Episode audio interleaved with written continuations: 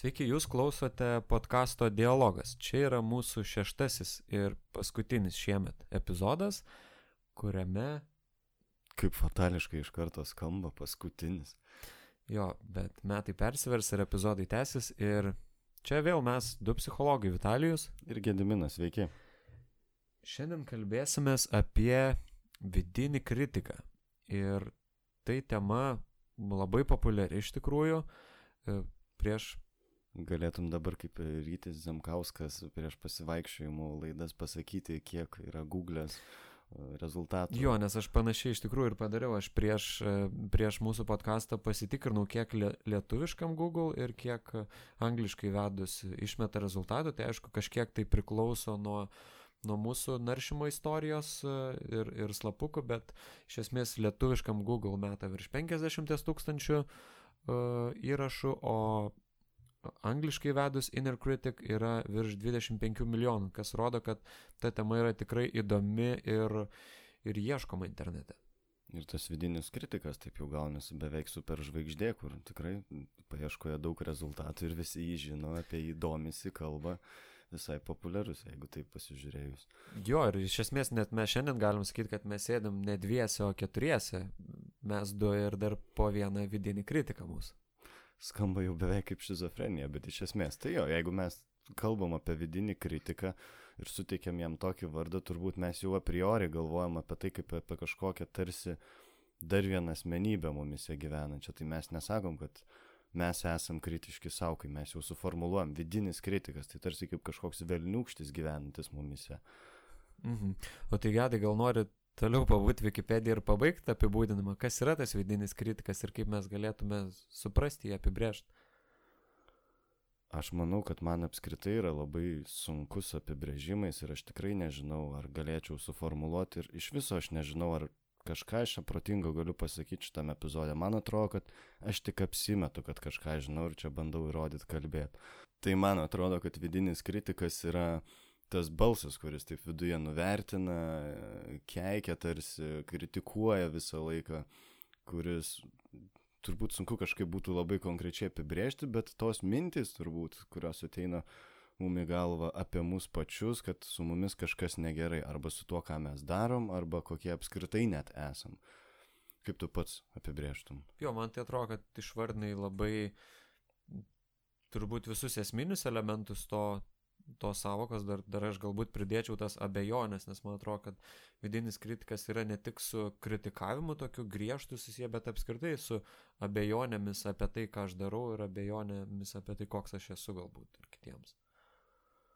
Jo, ir tada turbūt reikėtų sakyti, kad tos abejonės nėra kažkokios, jeigu mes tai vadinam vidiniu kritiku, turbūt jos nėra tokios, kaip čia vadinti, sveikos galbūt, ta prasme, kad aš abejoju, nežinau, pavyzdžiui, ar dabar priimti tą sprendimą ar nepriimti, bet abejonės labiau, ar iš viso čia verta, ar aš čia teisingai darau tą mm, sprendimą priimdamas tokio labiau kažkokio, man vidinis kritikas visada asocijuosi su tokia neigiama konotacija, kad tai nėra kažkoks paprastas racionalus situacijos įvertinimas. Jo, taip, tu iš tikrųjų labai teisingai pasakai, kuo turbūt vidinis kritikas ir skiriasi nuo to sveiko proto, nes sveikas protas jisai kartais suabejoja ir, ir padeda tose situacijose, kur tikrai mes galbūt e, per daug kažką įsivaizduojam arba per daug e, pasitikim savim ar perdedam arba tikimės kažko, ko tikrai negali būti, o būtent vat, vidinis kritikas yra tas, kur va, mums neigiamai kažką kuždėjausi, kai, kai dažnai net e, tai, kas įvyks, bus labai faino ar netgi smagaus, bet sako, kad bus šiandien faina ir kad tu nesugebėsi ar kad blogai padarysi, kad kitiems nepatiksi. Aha, bet klausimas čia man atrodo labai svarbus ir toks subtilus. Aš net pats savo jį užsidaviau prieš galvodamas apie šitą epizodą, kurį dabar įrašinėjom, kaip atskirti tą vidinį kritiką nuo sveiko proto, nes atrodo labai sunku įsivertinti pačiam savo, kur aš tarsi adekvačiai kažkaip įvertinu savo galimybės, o kur tarsi jau nusivertinimu, nusivertinu.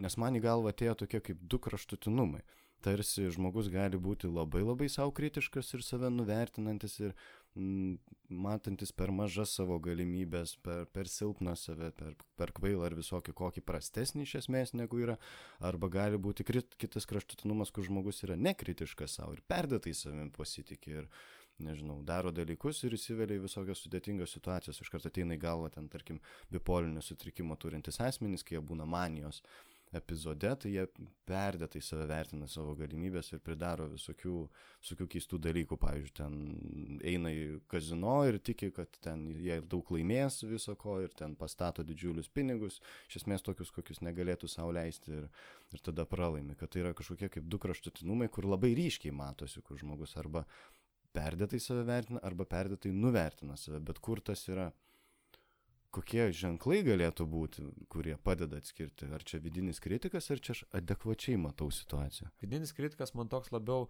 kai yra faktai įvertinami nelabai ne teisingai. Tarkim, tu galvoji, kad tu kažką padarysi ir, ir dėl to tave žmonės nebekes. Kas yra abejotinas dalykas, kad vien, vien dėl to, kad tu kažką pabandysi, ko tu bei padaryti, kad kažkas tavęs nebekes, nebemėgs ir panašiai. Tai man vidinis kritikas labiau siejasi su faktų iškraipimo, sveikas protas, kai, kai tą faktą įvertina taip objektyviai ir realistiškai protestuoja situacijai. Tavęs besiklausant, besiklausant man ateina kažkaip prisiminimai darbė su klientais arba pacientais, kai uh, kai, kurie yra, tarkim, depresyvūs labiau ir save nuvertinantis ir sako, kad, nu, va, aš esu ten blogas arba bloga, ten nieko nepaėgiu, man nesigauna ir tu klausinėjai apie tą situaciją, tarsi bandydamas ieškoti tų faktų ir randi, kad jo, iš tikrųjų yra kažkokie įvykiai, kurie byloja apie to žmogaus gebėjimą, sugebėjimą, bet tas žmogus atkakliai sako, ne, tai nieko nereiškia, tai visiškai nieko nesako. Tai prasme, kad tai, kad čia man kažkaip įvyko tas, tai čia pasisekė, ar čia kitų žmonių nuopelnas ir panašiai. Ir tada man vėl kyla tas klausimas, tai kas yra tas, kuris gali įvertinti, va tu kalbė apie tą tarsi faktų iškraipimą. O kas pasakys, kad čia žmogus iškraipo faktus ar neiškraipo, ar jam iš tikrųjų taip matosi. Tai atrodo, kad labai toks subtilus aspektas. Na, taip šitoje vietoje, manau, kažkiek prisideda ir aplinka labai prie to, kad vat, kaip tu pasakei, vat, kad žmogus daro kažką gerai, yra įrodymai, kad jie daro, kad, kad tas žmogus daro kažką gerai, tarkim, nežinau, užima kažkur prizinės vietas ar ten pirmas vietas, laureatas kokiu nors ten dalykų tampa ir jam kažkaip to negana, bet vat, iš šalies vat, kiti žmonės sako, tai, tai kodėl tau čia negana, tai yra akivaizdus įrodymai, kad, kad tu kažką darai gerai, kad tai yra ne tik sėkmė, tai vat, man atrodo, kad kad kai žmogui pačiam nebeišeina, tai tas balsas iš šalies, aplinkinių, draugų, artimųjų yra tas, kas gali padėti. Nustatyti, kiek čia yra tiesos tose faktuose, kiek yra netiesos. Tikrai, tu čia paminėjai labai gerą aspektą ir aš galvoju, darbę su klientais taipogi šitą aspektą bandau iškelti, kai žmogus, tarkim, labai save nuvertina, tai aš klausiu kažkaip, ar jo artimieji ar draugai irgi tą patį mato, ką sako apie tą vieną ar kitą kažkokį aspektą jo, jisai, kuriame jisai jaučiasi labai nepilnavertiškas, sakykime, kad, kad iš tikrųjų žmonės gali būti, kad kai jie yra labai susitapatinę su tuo vidiniu kritiku ir labai nusivertinantis, jie net nepastebi, kad jie sulaukia gero, teigiamo, pozityvaus grįžtamo ryšio iš artimųjų arba iš draugų, kaip tu sakai, kad juos kažkaip pageria, juos kažkaip įvertina, nors tą kartais būna sunku pamatyti. Tai man atrodo, čia yra tikrai vienas geras būdas kažkaip pasimatuoti, kiek aš adekvačiai save matau, o kiek iš tikrųjų perdėtai save kritikuoju, kažkaip tarsi tapatinuosi su tuo vidinio kritiko balsu. Jo, nes iš tikrųjų darbe, vat, psichologiniam konsultavime nemažai tikrai laiko praleidžiama, bandant e, ištestuoti, vat, kiek realūs tie įsitikinimai žmogaus, kuriuos jis turi. Aš irgi iš karto prisimenu darbą su žmogumi, kuris irgi galvoja, kad jisai, nu, nemotivuotas, kad jisai negali prisiversti to daryti, ano daryti, bet jisai buvo, pavyzdžiui, pats, galima sakyti, savo jėgomis atsisakęs priklausomybės vienos, kurį buvo tikrai stipriai apėmusi Ir čia yra pavyzdys, kad, kad jisai gali kažką, jisai gali kažko imtis, jisai gali susikaupti, jisai gali kažką padaryti, bet jam vat kažkodėl vat šitas tai yra nesiskaitomas. Nu, ta, kad nesiskaito, kad čia mečiau. Taip, taip, tai iš tikrųjų ir aš labai dažnai girdžiu tos pavyzdžius, kur žmonės tarsi sako, tą nesiskaito, arba čia pasisekė, arba, ai, čia netiek svarbu, bet va, šitoj srity, tai tada esu nevykėlis, tarsi kažkaip liktai nujuodina tas vidinis kritikas visą tą vaizdą ir taip apibendrina, liktai perdėtai. Ir čia, man atrodo, irgi yra viena iš to vidinio kritikos savybių. Ir kur galbūt galima būtų galvoti apie tą skirtumą tarp sveiko proto, kad tarsi vidinis kritikas mm, sunkiai gali pamatyti e, specifiškus situacijai aspektus. kad jis tarsi apibendrina, kad sako, kad iš esmės aš nepajėgus. Arba tu nepajėgus, jeigu jisai viduje tarsi. Jo, kad galima sakyti, kad vidinis kritikas ir įjungia tunelinį mąstymą, kai tu vis mažiau matai aplinkui, kas yra, bet matai tą vieną kažkokį faktą ir ieškai netgi dažnai įrodymų tam faktui, kurį tau tas vidinis kritikas teigia. Iš esmės tai yra tam tikras mąstymas juoda balta, kad nebepamatai tų pilkų atspalvių. Mhm, sutikčiau aš tikrai su šituo, kad tai veikia kaip tam tikra irgi save išpildanti pranašystė, kad žmogus tarsi m, turi tą jausmą apie save, tada ryškiau pastebi tuos įvykius ar ten kažkokius nepasisekimus, kurie tarsi jam įrodo dar labiau, kad va, žiūrėk, ašgi sakiau, iš tikrųjų iš manęs ten nieko gero nėra. Ir daug sunkiau pamato, kai kažkas kito, tarsi outside the box, žinai, iš kažkokio įsitikinimo į sistemos, už ribų įvyksta faktas, kur žmogus kažką puikiai atlieka, padaro, bet, ai, kažkaip kažkam kitam priskiria. Tai. Jo, čia man kažkaip siejasi su tuo Blue Monday, kuris yra tas uh, mokslininko ale nustatyta uh, kaip pati liūdniausia metų diena, kuri seka po naujų metų, kažkiek ten antra ir trečia savaitė būna. Ir ten yra krūva priežasčių, kodėl tada žmonių nuotaika bendrai krenta. Ir jie tą pirmadienį dažnai pastebi vien tik blogus dalykus dėl to, kad jie jau žino, nes ir žiniasklaida, pavyzdžiui, kalba apie tai ir jie va tą dieną ieško visokių dalykų, kurie patvirtina, kad nu šita diena pati blogiausia metuose, kad čia kažkas slysta iš rankų ir panašiai, nors būtų bet kuri kita savaitės diena, apie tai mažiau kalbėtų, turbūt praeitų kaip įprasta diena. Aha, tai čia iškart galvoju apie tokius dalykus kaip penktadienis 13 arba ten. Ja pilnatis, dalykus, kuriuo atžvilgiu aš esu gan skeptiškas, bet atrodo, matau dažnai žmonės, kurie tarsi tai pasitvirtina. Tai čia, man atrodo, tikrai neblogas pavyzdys.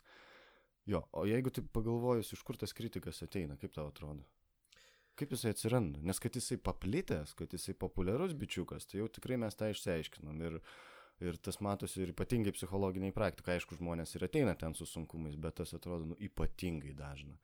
Man kartai, žinai, net čia aš pats, žinai, užbėgau, nors uždaviau tau klausimą, bet man atrodo, kad e, man kartais ateina tokia mintis, kad psichologo darbas, jo laikysena tam tikra prasme yra nuolatinė kova su kito žmogaus vidiniu kritiku. Kur psichologo kabinete iš esmės vyksta santykis, kuriame klientas gali pasijausti priimamas, kuriame jis gali jausti saugiai, kad čia kažkaip nenuteis, nenuvertins manęs, ką iš esmės jis Mm, dažnai patiria iš savo vidinio kritiko ir atrodo, kad vien tas santykis dažnai padeda kažkaip gydyti ir tam kritikui duoti kaulus. Taip ir aš viskai sutinku su to, ką pasakėjai, kad psichologinis santykis yra toks, bet aš dar galvoju, kad kartais būna ir tų situacijų, kai tu ir pats turi tapti to vidiniu kritiku, kai, kai žmogus gal nelabai blaiviai mato apie tai, kas vyksta jo gyvenime ir kaip jis suvokia, kad vat, parodyt, kur, kur čia vat, yra esminiai dalykai ir kur čia esminė problema.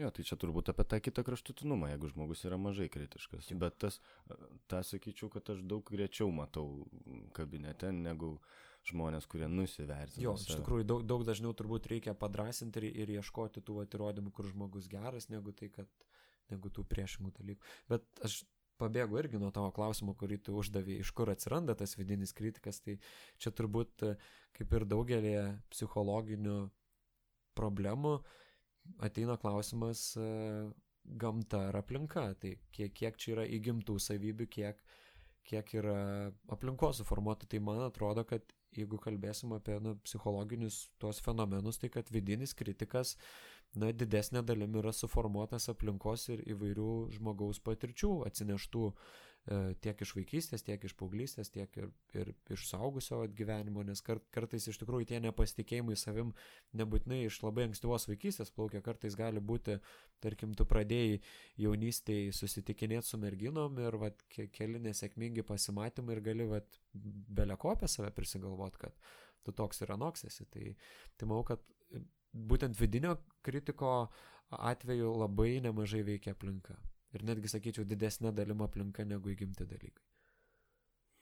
Jo, tai tu čia taip tarsi tą opoziciją padarai įgimta versus įgyta, bet aš galvoju, kad labai daug ir svarbus tas subjektivus, aišku, elementas, kaip pats žmogus vertina tuos įvykius, bet vis tik aš irgi, nors yra skirtingų teorijų, aišku, skirtingai, jeigu paimti skirtingas psichoterapinės, kad ir tas pačias paradigmas, jos šiek tiek kitaip matytų tą patį fenomeną, iš kur atsiranda toks kritiškumas mūsų patiems savo, bet vis tik kažkaip galima būtų matyti, kad dauguma kalba apie tą vaikystės svarbą, kad vis tik iš tėvų ateina labai daug to balso, kad realiai tam tikrą prasme tėvai yra tie žmonės vaikui, kurie tarnauja tą, atstovauja tą vaidmenį tokio, kur arba padrasina, arba kažkaip baudžia, arba kažkaip sukritikuoja, kažkokią ribą nustato. Ir kartais tos ribos gali būti tiek žaidžiančios, kad vaikas tiesiog išsineša tą jausmą apie save, kad kažkas su manim gerai. Ir tai nevyksta tiesiog, tai vyksta labai labai subtiliais ir keistais būdais. Aš atsimenu, kai skaičiau knygą apie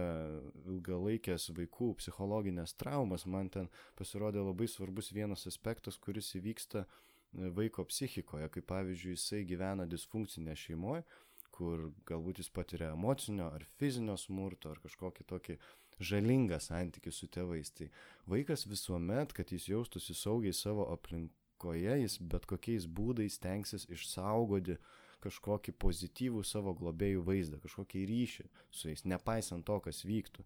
Ir kas tada vyksta, jeigu vaikas tengiasi, sakykime, išsaugoti geros mamos vaizdą, o ta mama jį baudžia ir muša ir nuvertina ir sako, tu nevykėlis, tu šioks ir anoks. Tada vaikas ima tikėti, kad kažkas iš tikrųjų su manim taip negerai yra. Nes jeigu gera mama su manimi taip elgesi, vadinasi kažkas iš esmės su manim netvarkoja. Ir tos situacijos, tos e, besikartojančios kritikos namuose tarsi užaugina tam tikrą, nu, mat, e, tarkim, analitinė paradigma sakytų kompleksą, kad jos apsipina e, emociškai sunkiom patirtim ir tai tampa kaip tam tikra mūsų subasmenybė, kurią vėliau mes galim laikyti tuo vidiniu kritiku. Nors tai gali būti sudaryta iš daugybės, daugybės, daugybės tų situacijų, kurios každaise buvo ne vidinis kritikas, bet kažkas išorė mus kritikavo arba atstumė, kaip tu minėjai tą pavyzdį. Jo, tu iš tikrųjų labai gerą aspektą palėtėjai tą vaikystę, nes sakai, kad labai daug ir tas subjektivus savo suvokimas paveikia, bet, na, kol vaikas yra dar mažas, dar mąstymas iki galo nesusiformavęs, tai labai daug to atspindžio, kas vyksta jo gyvenime ir iš aplinkos ir tėvų, kurie vat, pasako, kas vyksta gerai, kas šauniai vyksta, kas blogai. Ir man tikrai labai patiko tas tavo pavyzdys su tuo, kad vaikas prisiema į save, kaip sakyti, internalizuoja visus tos blogus dalykus, kad va tėvai blogi, bet jis prima kaip savo kažkokias savybės, aš net atsimenu, rašiau savo tinklaraštėje tekstą, va būtent šitą temą ir jį pavadinau, kodėl geriau būti nuodėmingu Dievo pasaulyje, nes ten viena autorė, kuri nagrinėja būtent šitą temą, kaip vaikai persima kažkokias va tėvų blogas savybės į save, kad jie, jie vis tiek tėvus iš esmės myli ir jiems yra labai svarbios figūros ir jiems jie vis tiek yra atstoja kaip, kaip dievus ir geriau turėti kažkokias nuodėmes ir būti blogam, bet gyventi pas Dievą negu pas velnę ir galvot, kad tėvai yra labiau kaip vis tiek geriečiai, o kad aš blogėtis, negu galvot, kad tėvai yra blogiečiai. Jo, nors čia irgi labai subtilus elementas, iš tikrųjų labai graži metafora su tuo nuodėmingumu ir gyvenimu Dievo ir velnio pasaulyje, bet uh, aš prisimenu vieną tyrimą, kurį uh, Rolomėjus psichoterapeutas buvo atlikęs su e, nešiomis moterimis, kurios buvo priglausos ten nakvynės namuose, nes jos iš labai e, prastos socialinės e, padėties ir ten neturinčios namų, darbo, ten netyčia pastojusios arba patyrusios prievartą ir pastojusios. Ir jis atliko tyrimą apie jų nerimastingumą, kiek jos patiria streso, kiek jos yra nerimastingos. Ir čia vyko įdomus momentas. Labai įdomus rezultatas buvo, kad tarsi mes e, a priori galvotumėme, kad kuo daugiau destrukcijos, smurto ir baisių įvykių šeimoje, tuo vaikas užauga labiau tarsi psichologiškai sužalotas ir jautresnis. Ir jisai pamatė, kad nebūtinai taip, taip, tai dažniausiai yra tendencija, bet e, e ten atsirado vienas toks momentas, kad jis pastebėjo, kad tie tėvai, kurie tarsi e, dedasi mylintis savo, e, galbūt ne taip, tie tėvai, kurie turi kažkokios pretenzijos meiliai, kurie e, kažkaip kritikuoja vaiką, kad tu netaip elgiesi, tu čia kažką netaip darai, pažiūrėk, mes ten tavim rūpinamės ir panašiai, tada vaikas gauna tą žinią, kad, aha, kažkaip tėvai manim rūpinasi, bet aš kažkoks netoks. O tie tėvai, kurie vaikams sakė tiesiog, aš tavęs nekenčiu, aš tavęs nemyliu, ar ten tu ne mano vaikas, neretai tos, e, kadangi tyrė moteris, tai tos mergaitės suvokdavo kaip gyvenančios būtent velnio pasaulyje, kad priimdavo tą realybę, kad tėvai iš esmės manęs nemyli. Ir nėra taip, kad kažkas su manim negerai, kad tėvai iš esmės nemyli. Aš, nu, tarsi pralaimėjau loterijoje, gimiau tokioje šeimoje, turiu tokius tėvus, kurie manęs nemyli. Ir tada jos eidavo į gatvę, susirasdavo kažkokius ten draugus, ten Hebra, mm, visokius gengus ten tos Amerikoje ir panašiai. Ir būdavo toj gatvės kultūra. Ir tą priimdavo kaip tokią sunkę, bet realią realybę be pretenzijos, kad galbūt vis tik tėvai mane gali mylėti, tik jeigu aš būčiau kažkoks kitoks ar kažkaip kitaip elgčiausi, tada pelnyčiau jų meilę. Ir tas antrasis variantas, apie kurį ką tik paminėjau, Rolomėjus pastebėjo, kad daug labiau palieka psichologinės traumas negu tas aiškus, konkretus suvokimas. Kitaip tariant, geriau aiškus blogis negu neaiškus gėris. Jisai daug labiau traumuoja vaiką, kai yra tas neapibrieštumas, kai nėra iki galo aišku, tai kaip čia dabar yra. Nu, tikrai toks spal, spalvingas pavyzdys. Ir e, vis tiek daug tų patirčių iš vaikystės yra, bet e, man dar atrodo, kad labai formuoja ir, ir tolimesni dalykai, nes, pavyzdžiui, galbūt šeimoje viskas yra gerai, ten pakankamai palaikomas vaikas yra ir, ir atspindima, kada jam pasiseka, kada nepasiseka, bet tada patenkam į kitas vietas, į mokyklą, kur gali tie patys dalykai formuotis e, visai jau kitoje aplinkoje. Pavyzdžiui, aš puikiai atsimenu, uh, uh, savo patirtį iš pradinių klasių, kai reikėjo piešti lygą. Ir visi vaikai piešė kažkokius termometrus, ten lovai gulinčių žmonės, dar kažką, o aš tada buvau labai smart ass, kaip galvojau, prisiskaitęs enciklopedijų ir radau mikroskopų padidintą živ viruso tiesiog paveikslėlį, kaip, kaip jis atrodo išdidintas. Ir aš tiesiog, o jisai atrodo tiesiog kaip kamolys su tokiais spigliais ir aš tiesiog nupešiau ir buvo įvertintas mano dalykas kaip, kaip tiesiog neįdėta pastangų, kaip visiškai nepasistengta ir, ir, ir mokytė nelabai iki galo suprato šitą. Tai aš atsimenu, kad man tada tikrai buvo tas toksai kirtis per, per pasitikėjimą ir per tą tokį kūrybiškumą, nes aš pabandžiau kūrybiškai pažiūrėti šitą užduotį ir viskas buvo nukilinta ir viskas primta vat, tuo paprastu būdu termometrai, lygos, skausmai kažkokie, o mano tas spigliuotas kamuolys buvo labai nuvertintas. Aha, tai čia irgi geras momentas apie tai, kad vėlgi yra patirtis nebūtinai šeimoje, bet ir kitoje aplinkoje, kuri mums yra svarbi, kaip vaikams mokykla, gauti įvertinimą, ar ten būti priimtų bendramžių, paauglystėje ypatingai tas labai svarbu, kad vis tiek mes turbūt tada kalbam apie tas uh, visokios situacijos, kurios yra jautrios, kuriuose mes esam pažeidžiami ir priemam kitų nuomonę labai giliai į širdį. Ir iš esmės vaikai, tai pavyzdžiui, ar ten ankstyvoji paauglystė, tai beveik net neturi resursų kritiškai tą įvertinti. Jeigu vaikui sako, kad tu esi blogas, tai iš kur vaikas sugalvos, kad palauk, kažkaip tu čia nedekvačiai vertini situaciją ir galbūt tu dabar išlėjai agresiją ant manęs pradinių klasių mokytojai. Nu, jis nepasakys to. Tai tos situacijos visos tarsi ir augina tą tokį darinį, tarsi mumise, tokį psichologinį, emocinį, ne fizinį, bet kurį, kuris formuojasi tarsi tą velniūkštį sėdinti ant mūsų pečių, kurį mes dabar vadinam vidiniu kritiku. Atrodo, kad jisai bent jau lipdosi tai. Jo, ir, ir kita vertus, jeigu šeimoje yra labai blogai, man atrodo, kad e, tos patirtis kitur, tai yra mokykloje arba, nežinau, sporto burelė ar bet kokiam kitam bureliui, kur lankoma, gali kažkiek kompensuoti vaiko nepasitikėjimą savimi. Galbūt vat, namuose nėra to didelio palaikymo, kad aš esu ten geras, kad aš sėkmingai darau kažką, bet tarkim, man labai sekasi sportė kažkokiam, ar ne? Ir tada tikrai tos blogos patirtis yra kompensuojamos, nes vaikas kažkur mato, kad jis yra kompetitingas, kad jisai gali ir kad jisai moka padaryti dalykus. Bet čia irgi, matai, labai svarbus yra santykis su tais pačiais pasiekimais. Aš galvoju tada apie daugybę tų pavyzdžių, kurie yra tikrai realūs ir tas kažkokiu laipsniu nėra įmanoma turbūt visai išvengti bet kokioje šeimoje ir bet kokiems tevams. Čia irgi nesinori, kad skambėtų, kad tėvai blogi, jie viską sugadina. Tėvai irgi žmonės. Tai pavyzdžiui, aš galvoju apie vaiko paties santyki arba jo tėvų santyki su tais, tarkim, ir pasiekimais. Nes labai dažnai uh, aš susiduriu su žmonių tokiu jausmu, nu čia dažniausia psichologo kabineto turbūt realybė, kad aš būsiu priimtas ir mylimas tik tada, jeigu būsiu sėkmingas. Jeigu man seksis, jeigu aš kažką padarysiu gerai, tada aš tarsi būsiu ir savo vertingas, ir mane galbūt ten tėvai mylės, kas irgi atsinešta kažkas iš vaikystės mm, toks jausmas, o jeigu man tik tai nepasiseks, tai tada jau aš būsiu nieko vertas, tada jau įsijungs vidinis kritikas ir mane sumals į miltus.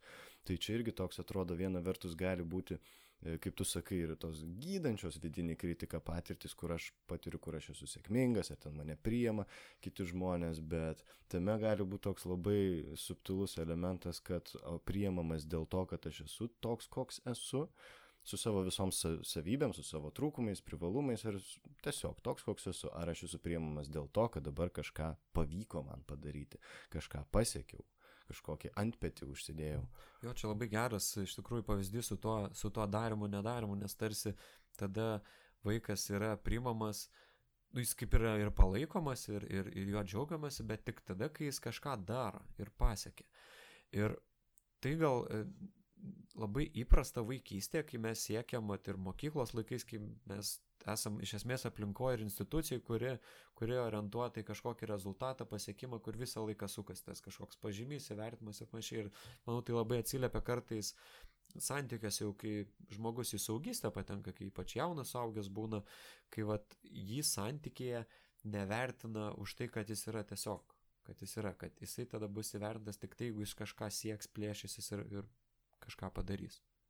Bet čia man atrodo taip sunku ir aš pats save pastebiu, kad net ir man pačiam labai labai tas yra sudėtinga tiesiog jausti tą jausmą, kad aš galiu būti priimtas bet koks. Toks, nu, vat, su savo visom savybėm, su savo trūkumais, su savo nesėkmėmis e, ar su savo stiprybėmis kažkokiamis, nes atrodo vis tiek tada įsijungia labai greitai tas jausmas, kad kažkaip, nu, vat, gal šita mano dalis tai nėra tokia patraukli ar kitam žmogui, ar ten gal jinai kažkaip trukdo man darbe, galbūt kažkas čia su ja nėra iki galo. Tarsi, man atrodo kažkaip, ir aš galvoju apie šitą klausimą prie šitą podcastą, galvoju, kodėl taip yra, kad taip sunku būti tiesiog vat tame jausme.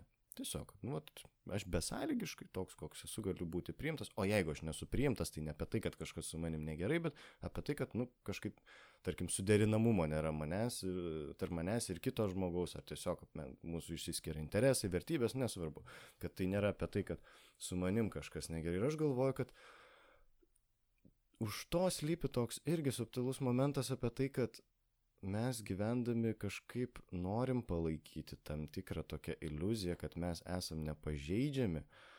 Ne tai, kad tobuli, bet tokie nu, tam tikrą prasme be, be bagų, be, be nesklandumų, be kažkokių erorų, be, kad, nes tas pripažinimas tokio jausmo, kad aš esu va toks, koks esu, su savo ribotumais ar su savo galimybėmis ir akistata su tuo tarsi reikalauja pripažinimo, kad žmogus apskritai iš esmės yra ribotas.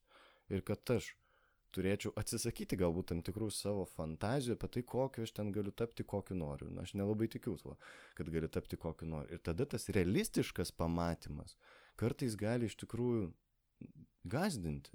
Tiesiog suvokti savo kažkokį, tarkim, kad pavyzdžiui, aš galiu užgauti ten kitą žmogų dažnai ar kažkokią, nu, vat, neigiamą savo uh, savybę, ką mes dabar, nu, taip vadintumėm neigiamą savybę, tiesiog pripažinti, įsivardinti, kad tai nu, tam drąsos reikia realiai.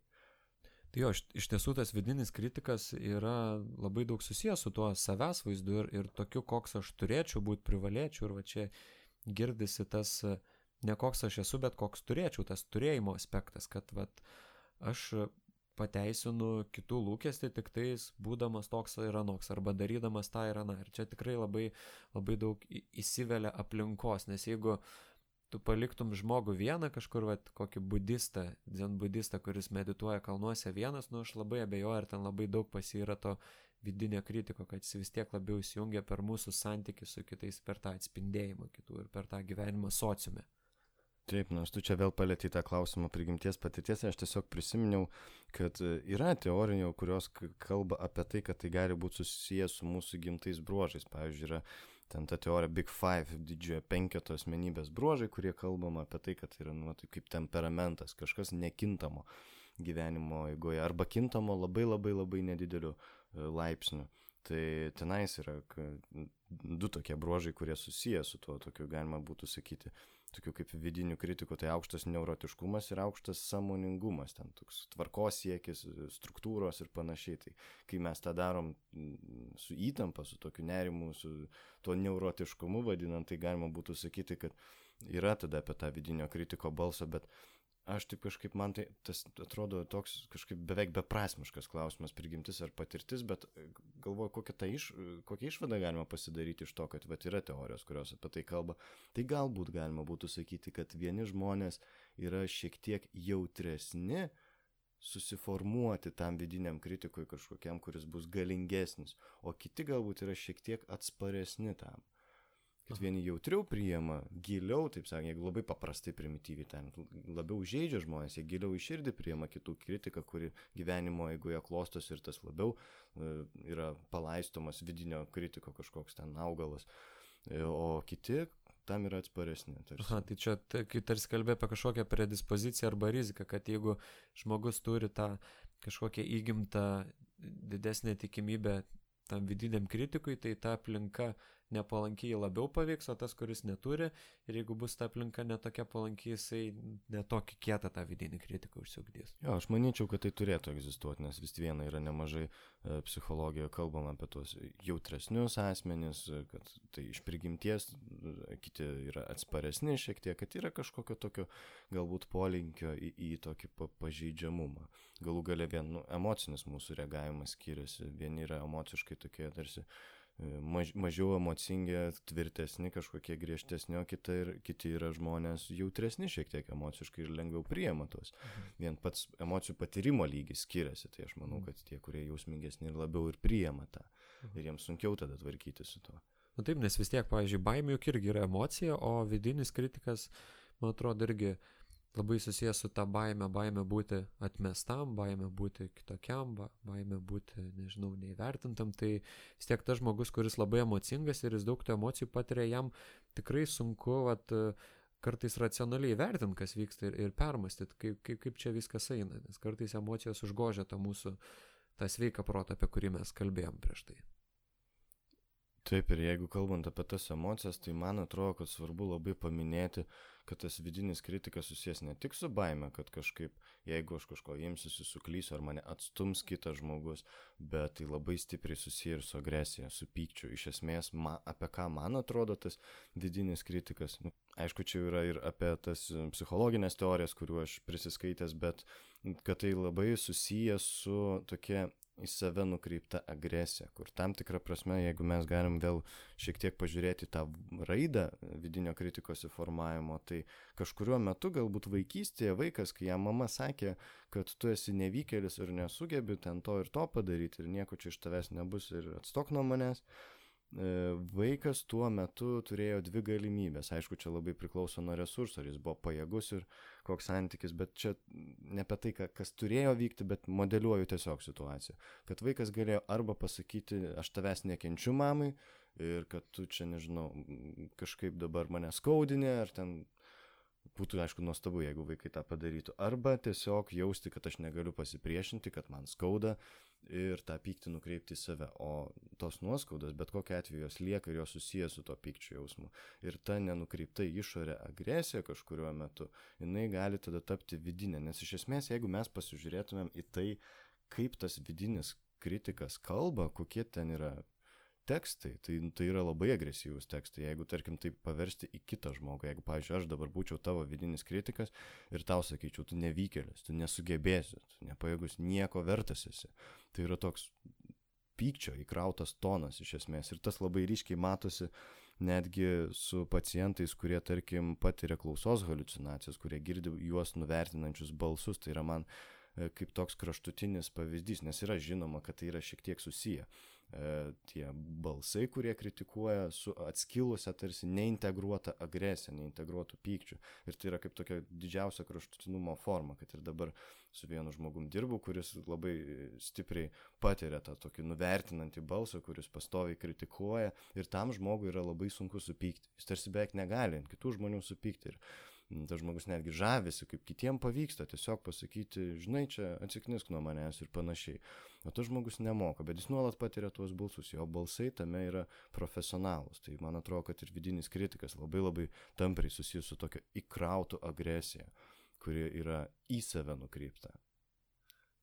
Aha, tai bet vadinasi, tą agresiją kažkaip galima išnaudoti, nes agresijų yra daug energijos. Tai išmokus tą vidinį kritiką pažaboti, galima tą agresiją nukreipti kažkaip produktyviai, bet aš iškart pagalvojau, kiek va, vidinis kritikas yra žiauresnis už tą išorinį kritiką, nes kai mes girdim iš išorės tą kritiką, vat, kur tu man ką tik sakai, tu nesugebi, tu nemoki, tu negali. Juk tikrai labai daug žmonių tą jungia atvirkštinę reakciją, va dabar aš įrodysiu, kad aš galiu iš tikrųjų. Bet daug sunkiau tą padaryti, kai tau pačiam, tavo galvoj tas vidinis kritikas tą sako, ten daug, daug, daug rečiau įsijungia tas noras įrodyti. Jo, ir čia irgi toks svarbus klausimas, apskritai galvojant apie žmogų kaip būtybę, jeigu galėčiau tai pasakyti, kad mes visi žmonės nenorim, kad e, nenorim matyti kitų kančią, nenorim matyti patyčių, nenorim matyti agresijos, mums nepatinka, kai kiti žmonės uh, prieš kitus taip elgesi. Jeigu mes, mes matytumėm dabar gatvėje, kad kažkokie vyresni paaugliai kažkokius jaunesnius ten muša, spardo ten ar ten kitaip tyčios iš jų, natūrali mūsų reakcija turbūt būtų daugumos, aišku, aš labai tikiuosi, būtų ne apie tai, kad jie jokie tai daro, ne, mes kažkaip išgyventumėm, kad tai yra neteisybė, kad tai yra nesažininga, kad to neturi būti. Ir man, kai aš galvoju va, taip apie žmogų, kad realiai apie visą žmoniją, kiek žmonės deda pastangų kiekvieną dieną, nuolatos stengdamiesi kažkaip pagerinti būvį šiame pasaulyje ir kitiem padėti, kažkaip kitų gerbuvių kažkokį sukurti labiau, kiek žmonės eina ten savanoriauja arba artimiesiams padeda, kai jiems sunku, arba ten pluša dirba, nors patys turėdami daug sunkumų e, pagalbą teikiančiose profesijose, kitiems žmonėms padėdami. Bet kai klausimas atsigrėžia apie save patį, tada visai skirtingas santykis su tuo būna, kad, ai, aš tai pakentėsiu, man tai čia galbūt nebūtinai to reikia. Ir čia netgi yra tokių pavyzdžių iš tyrimų, nemažai skirtingų pavyzdžių, kad e, vienas iš tokių tyrimų, kurį atradau kažkada jau seniau ir dabar prisiminiau prieš ruošdamasis šitam epizodui, kad apie 30 procentų žmonių, kuriems yra išrašyti medikamentai, nesvarbu ar psicho, dėl psichinių lygų, ar dėl fizinių lygų, apie 30 procentų žmonių nevartoja jų nuo tų išrašytų. Tai reiškia, kad kažkokiu būdu galvoja, kad, ai, ar aš jau susitvarkysiu. Nu, aišku, čia būtų dar gilesnis tyrimas, kas vyksta, kai jie nusprendžia nevartoti, bet rezultate tai gaunasi apie kažkokį save, savimi nepasirūpinimą. Bet jeigu mes palygintumėm, pavyzdžiui, su žmonėm, kurių augintiniam šunim arba katėm išrašomi medikamentai, tai ten beveik šimtas procentų skiria savo augintinį tuos medikamentus. Tai ką tai rodo? Kad mes su kitu galime būti rūpestingi, kažkaip kitą priimti, globoti, rūpintis ir taip toliau, bet su savimi sunku tą padaryti. Jo, tai tu kalbė apie tokią nemailę savo, kad yra ta labai banali frazė, kad reikia išmokti mylėti save, bet joj, vad, girčiu, kad labai daug tiesos yra. Ir man tada tai byloja apie tą tokį, vat labai ryškų vidinio kritiko gyvenimą, kad tarsi jisai yra tas balsas, kuris pasako, kad, nu, galbūt tau to nereikia, arba tu nesi to vertas, arba kas iš to, nežinau, ar tai viską galima taip nurašyti dabar vidiniam kritikui, nes šitoj temai atrodo mhm. tarsi daug limpa, bet, bet tai yra apie kažkokį mūsų didesnį sunkumą, jo, save priimti besąlygiškai ir daug lengvesnį gebėjimą priimti kitą besąlygiškai. Ir būti atlaidesniu netgi kitam. Pavyzdžiui, mes matom kitą žmogų, kuris e, stengiasi kažką padaryti, kažko siekia, tarkim, savo darbę ir susiduria su nesėkme. Mesgi, tarkim, jeigu tai būtų mūsų koks draugas įsivaizdavus, ar ne, jis pasakoja mums dalinasi apie nesėkmę kažkokią darbę. Tai kokia mūsų reakcija? Mes nesakysim jam, kad, nu, žinai, nevykėlis tu esi. Nu, nepasisekė kažkaip, nu, bet tu stengiasi, tu sieki. O kai mes susidurėm su tuo, labai dažnai tuos sunkumus tarsi priskiriam savo kaip būtybei, kad va, dėl to, kad nepasisekė, tai kažkas iš esmės su manim negerai. Jo, ir man atrodo, kad čia pagrindinis sunkumas vat, yra tame, kad tu gali žmogui parodyti, vat, kad jisai geba kitų pasirūpinti arba kad jisai geba nenuvertinti kito tokioj situacijai, kurioje pats labai bijo būti nuvertintas, bet kažkaip vis tiek nepadaro to tarkim, žmogus bijo, nežinau, viešai kalbėti ir jisai, ir tu su juo kalbi ir sakai, o tai kaip jūs vat, vertintumėt žmogų, kuris vat, viešai kalbėdamas ant scenos užstringa arba, arba pamiršta, ką sakyt, nu nieko, įprasta taip gali pasakyti, aha, tai kodėl tada jūs vat negalit to paties padaryti ir labai sunku tą perimti supratimą, kad jeigu aš galiu priimti kitą, kad ir kitas mane priims tokį, koks aš esu, arba, nu, blogiausiu atveju kažkas, nu gerai, užstriks, bus nejauku biški, ta tyla ar dar kažkas, bet, nu, tai ne katastrofa. Jo, ir man tada kažkaip ateina dažnai, žinai, kai aš dirbu su klientais, nu, po to, kai galvoju apie savo darbą, iš esmės dažnai ateina toks jausmas tokio nesažiningumo, kad kažkaip nesažininga tai, kad žmonės yra linkę nesėkmės patiriamas priskirti savo kažkokiam įdingumui, taip interpretuoti tas nesėkmės iš esmės, nes aš irgi kažkaip pagalvojau apie tai, kad turbūt, bet čia iš mano galvos laužta mintis, kad m, turbūt yra tokio aspekto, kad patiriamų sunkumų kiekis ir svoris gyvenime visai koreliuoja, yra susijęs su tuo vidinio kritiko balsu. Bent jau aš pastebiu visai savo praktikoje, kad dažnai ateina žmonės su tokiom tragiškom istorijom šeimos, kur ir įvykę daugybė dalykų, nelaimė, kurių negalėjo pas, pakeisti, ar ten netektis, ar ten savižudybės, ar nužudimai, ar kokia nors patirta prievarta ir panašiai. Ir žmonės labai dažnai išgyvena skausmą ir visokius kitus sunkius, intensyvius jausmus susijusius su tom patirtim. Bet kažkaip tame skausme visą tą suinterpretuoja, kad va, kiti tai žmonės savimi pasitikė, jie eina, siekia, daro, jie vat keliauja, jie gyvena, o aš esu nevykėlis arba nevykėlė, nes aš va, dabar turiu čia sėdėti pas psichologą kabinete ir, ir pastoviai verkšlenu, aš ten verkiu vos ne kiekvieną vakarą, nieko gero su manim čia nais. Ir tada tą klausant apima toks jausmas, kad kažkaip, nu, visiškai nesažininga, nu, tu nepasirinkai tų sunkumų. Nesažininga, kad tu taip interpretuoji, jos priskirdamas savo kad su tavim kažkas iš esmės neblogai. Ne, ne su tavim iš esmės blogai, bet tu patyrei tragiškus įvykius. Tavo istorija yra labai sunki. Ir tai, kad tu dar sugebi patyręs visą tą sunkumą, apie kurį ten man papasakai, vis tiek judėti gyvenimu pirmin, tai yra wow, tai yra kažkas apie tavo drąsą, apie tavo stiprybę. Nes tas žmogus, kurį galbūt iš šono matai, kaip ten sėkminga ir ten siekianti, tai galbūt nesusidūrė su tokiais sunkiais iššūkiais kaip tu gyvenime. Aha, ir žmonės tada gaunas, kad pasirenka netinkamą kažkokį atskaitos tašką, su kuo lygina save, nes lygina save su, su visiškai kitokią patirtį turinčiai žmonėm. Tai čia to trūksta tokio mokslinio tikslumo, kad obolius oboliais lygingo apelsinus su apelsinais. Tai jeigu tu lyginsi save su, ten, nežinau, pačiu sėkmingiausiu žmogum, tai be abejo bus liūdna, kad tu daug patyrei, bet jeigu tu pažiūrėsi į kitą žmogų, kuris irgi tur, tarkim, pan, nėra identiškų patirčių, bet galim sakyti, yra panašios patirtis savo tuo skausmu, tai netektis, savižudybės, ten sunkios lygos ir tu matai, kad tu judėjo, kitas nejuda, tai jau visai kitaip gali pasijausti, jeigu tu lyginsi save su, su tuo žmogum, kuris panašesnis. Bet apie tą lyginimą, man atrodo, čia labai slidus momentas. Žinai, jeigu taip klišiškai pasakius, geriau lyginti save su tuo, kas buvo vakar, negu su kažkuo kitu, kas yra šiandien. Nes visada pasižiūrėjęs į save atgal, nu, nebūtinai visada, bet dažniausiai tu matysi, kad tu bent jau stengiasi arba mažų mažiausiai kažkur nuėjai, lyginant su savim ten prieš metus, du, tris. Ir kad yra už ką save vertinti, yra už ką savo padėkoti, o išorėje mes labai dažnai atrandam uh, pavyzdžius, su kuriais lygindamiesi galim kažkaip tik tai maitinti to vidinio, atsiprašau, tik tai maitinti to vidinio kritiko balsą ir jį daryti dar stipresnį, nes va, jie tai tokie, o aš tai netoks. Ir tas irgi yra labai dažnai, aš ir iš klientų girdžiu, kaip jie pasako, kad, kad vaikystėje tą irgi patyrė, kad tėvai juos lygina, pavyzdžiui, arba su broliu, arba su serim. Pažiūrėk, brolis tai gerai mokosi, o tu tai, arba ten kaimyno vaikas koks nors, kad tas lyginimas jis irgi čia vėl, nenurašant vien tik tai tevam to, bet aš manau, kad ir šiais laikais nu, mes to neišvengiamai turim žiauriai daug, nes turim socialinės medijas, kur mes matom vien tik tą gražiausią pavydalą kitų žmonių gyvenimą ir tada lyginame su savo tuo privačiu uh, tuo gyvenimu, kuris turi visokius sunkumus, visus iššūkius, tą būtį, kasdienybę, o matom visur tik kelionės ir sėkmę ir influencerius, Instagramą ir panašiai. Jo, tai pasikartosti, ką jau esu vienam podcast'e sakęs, comparison is a thief of joy. Cheers for that. Gediminas tai sakydamas atsigėrė ką tik vandens, tai va, turėkite omeny, kad čia va, pakėlė taurę už, už, šitą, už šitą citatą. Gertuvė. Uh, jo.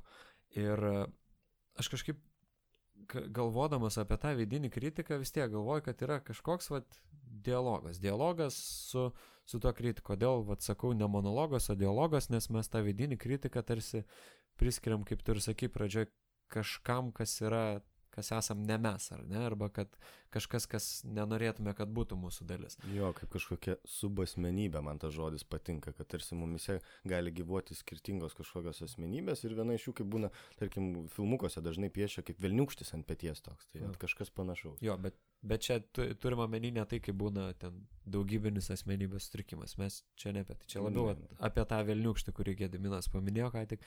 Ir kad kalbėjimas yra vat, kažkoks įgūdis. Vieni žmonės geriau kalba, kiti blogiau. Tai man iškart kyla klausimas, ar galima išmokti vat, įeiti dialogą su, ar galima išmokti įeiti dialogą su vidiniu kritiku panašiai kaip galima mokytis oratorystės ir kalbėti vat viešai, nes kažkaip kalbėti viešai įmanoma išmokti ir tu gali pasitreniravęs eiti puikiai kalbėti, o ar galima taip pat vat išmokti kalbėti su to, įeiti dialogą su tuo vidiniu kritiku, kaip galvoji? Aišku, manau, įmanoma ir ta, tas vyksta nuolatos darbe su žmonėmis psichologo kabinete. Ir esmė, iš esmės tikrai yra skirtingų įvairių būdų uh, su tuo dirbti. Ir pavyzdžiui, žinai, vienas iš karto ateina į galvą, kai tu kalbė apie dialogą, psichodraminis metodas, kur žmogaus paprašai įsijausti tą vidinį kritiką, įsivaizduoti ir pasodinti jį ant kėdės. Ir tada pradėti su juo kalbėtis. Arba, pavyzdžiui, grupinė terapija, kai aš vedu ne kartą uh, esu pasiūlęs tokią situaciją vienam žmogui pabūti kito vidiniu kritiku. Tai yra pabūti išorė ir tam žmogui pasitikrinti savo santykių su tuo, kalbėtis su kitu žmogum, kaip tarsi kalbėtųsi su savo vidiniu kritiku. Ir tada žmogus daug labiau pajunta svorį ir realumą to vidinio kritiko ir tokį nedekvatumą, kad tai yra kažkas tokio, kas nepaisant faktų, nepaisant nieko, tiesiog nuvertins, keiks, smerks, žemins tave ir viskas ir tu gali sakyti, ką nori, jam niekas nerūpi. Ir tada tą labiau pajunti kaip tokią, nu, tikrai kaip kitą savo dalį, kad tai nėra aš. Tarsi labiau tai padeda atsitapatinti nuo to vidinio kritiko. Irgi toks, tarkim, išorė jo, jo pastatymas kažkoks per tam tikrą, kaip ir seną vos negalima būtų mhm. sakyti. Jau, jau net vos ne kūnas suteikiamas, ar ne, tam tai subasmenybei, su kuria kalbama. Taip, realiai. Ir pavyzdžiui, ir taip ir būna, kad, pavyzdžiui, kabinete galima pasiūlyti atsisėsti tą kėdę, kurioje sėdi vidinis kritikas, įsijausti ir kalbėti vidinio kritiko balsu ir tada atsisėsti į kitą kėdę ir tarsi savo, kur jau aš pats ne vidinis kritikas ir išgirstu tuos žodžius ir kažkaip emociškai tą reaguoju ir leisti jausmam būti, nes kai leidi jausmam būti, tada atsiranda nu, labai, labai svarbus atradimai įvyksta ir tada gali kažkaip po truputį tolti nuo to vidinio kritiko. Aš irgi prisiminiau vieną tokį pratimą, kurį taikau iš, iš esmės tiek, tiek ir, ir net su vaikais, paaugliais ir, ir su suaugusiais.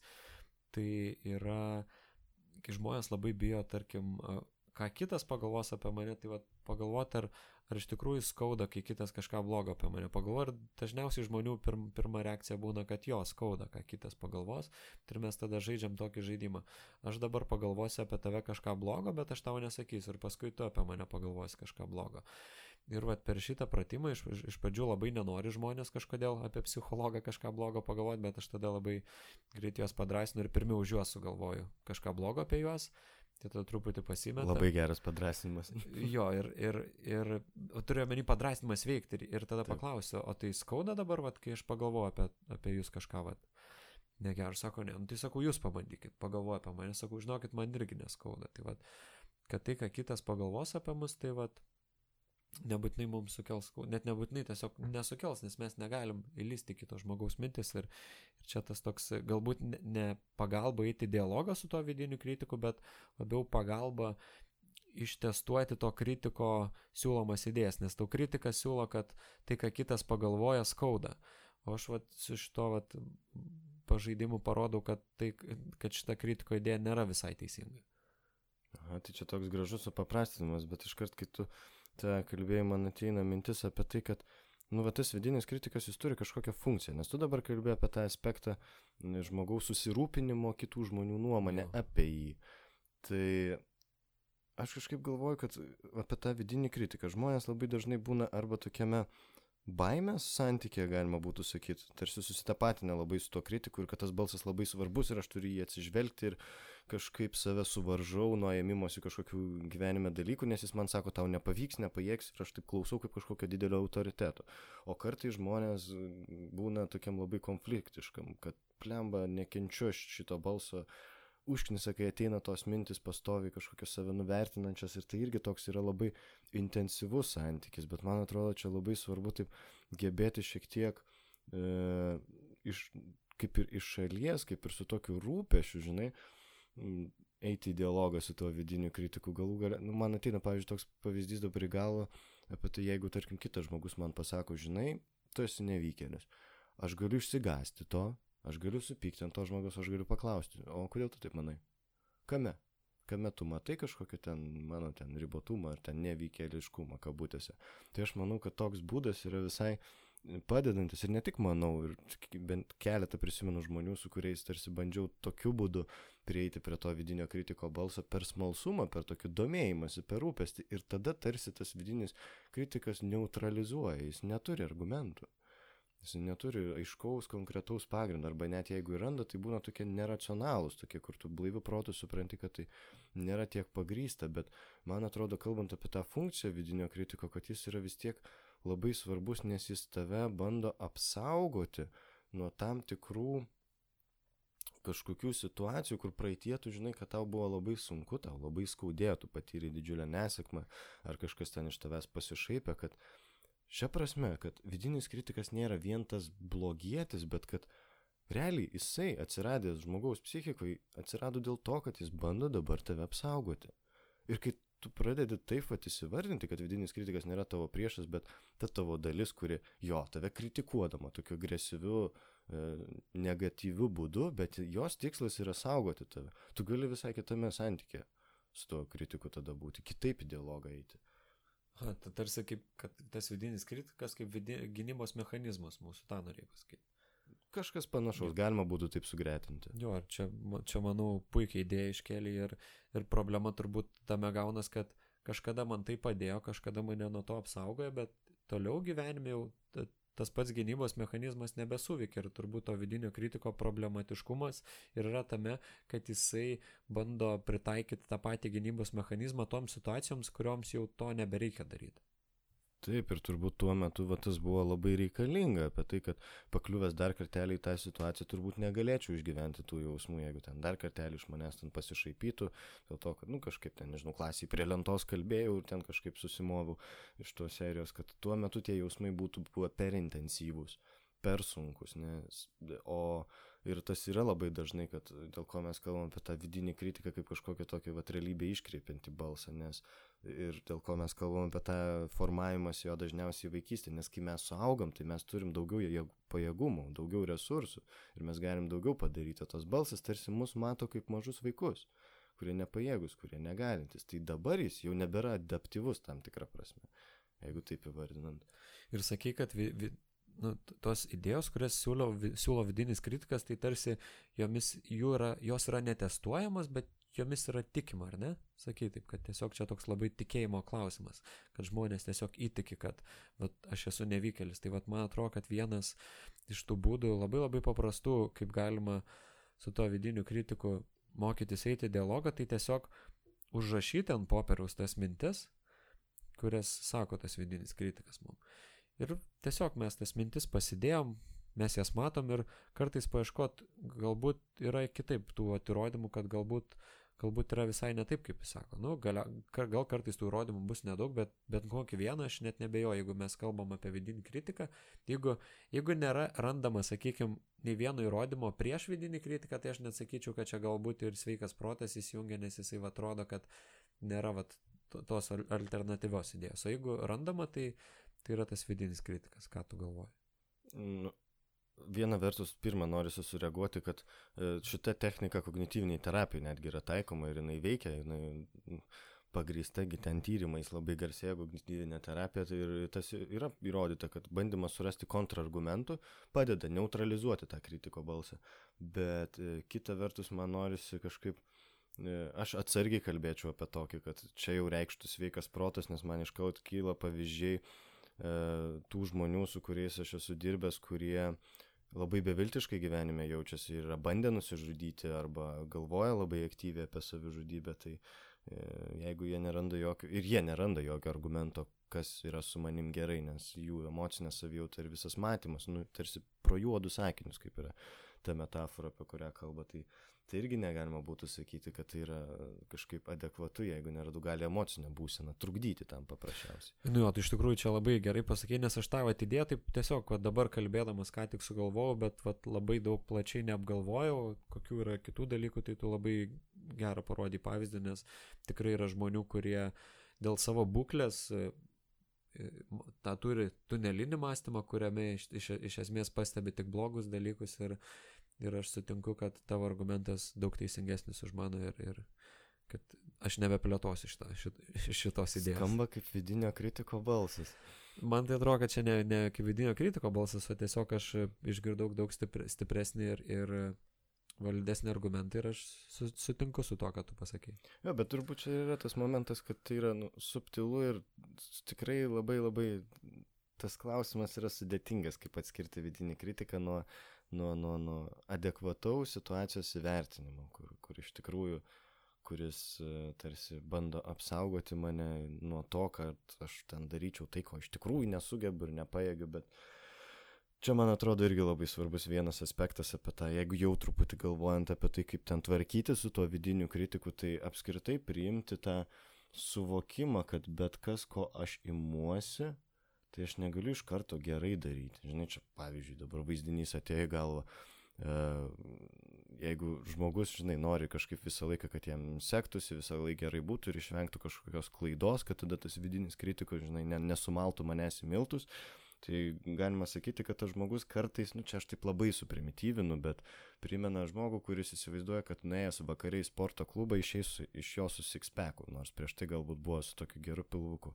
Tam tikrą prasme, kad tai yra neįmanoma, kad uh, apskritai gyvenime bet kas, ko mes imamės, bet kas, ką mes darom, tai nu, neišvengiamai yra klysti, nes tik per tai mes mokomės, kad tai yra kažkoks procesas, bet kame, bet kokioje veikloje ir netgi tame, kokie mes esame dar kitas vaizdinys, ką tik atėjo į galvą apie, va irgi tą e, jausmą vidinio kritiko, nes aš galvoju, kad jis dar čia yra dviejopas.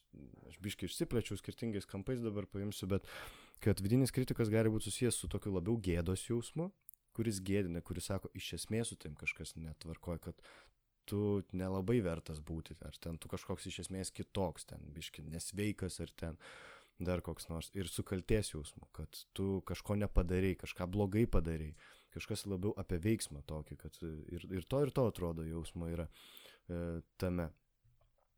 Tai jeigu grįžtant prie to pavyzdžio apie procesą, tai man atrodo tas vidinis kritikas, kuris kaltina labai dažnai, tai su juo yra nesunku tvarkytis kai tu savo pasakai, kad aš, pavyzdžiui, nu, aš negaliu dabar iš karto bulai to padaryti, aš mokausi, tai, o mokymosi procese neišvengiamas yra klaidos. Ir apskritai, jeigu aš kažką darau ir suklystu, tai vadinasi, kad aš ėmiausi pakankamai sunkaus uždavinio, kad tai nėra įmanoma iš pirmo karto gerai padaryti ir, ir kad aš esu pakankamai drasus, kad ryžausi netgi pradėti tą žinodamas, kad čia galima suklysti, kad tai nėra, žinai, vienas, du ir padarytas kažkoks, ar ten darbas, ar užduotis, ar nežinau, tikslas, kurį žmogus išsikelia.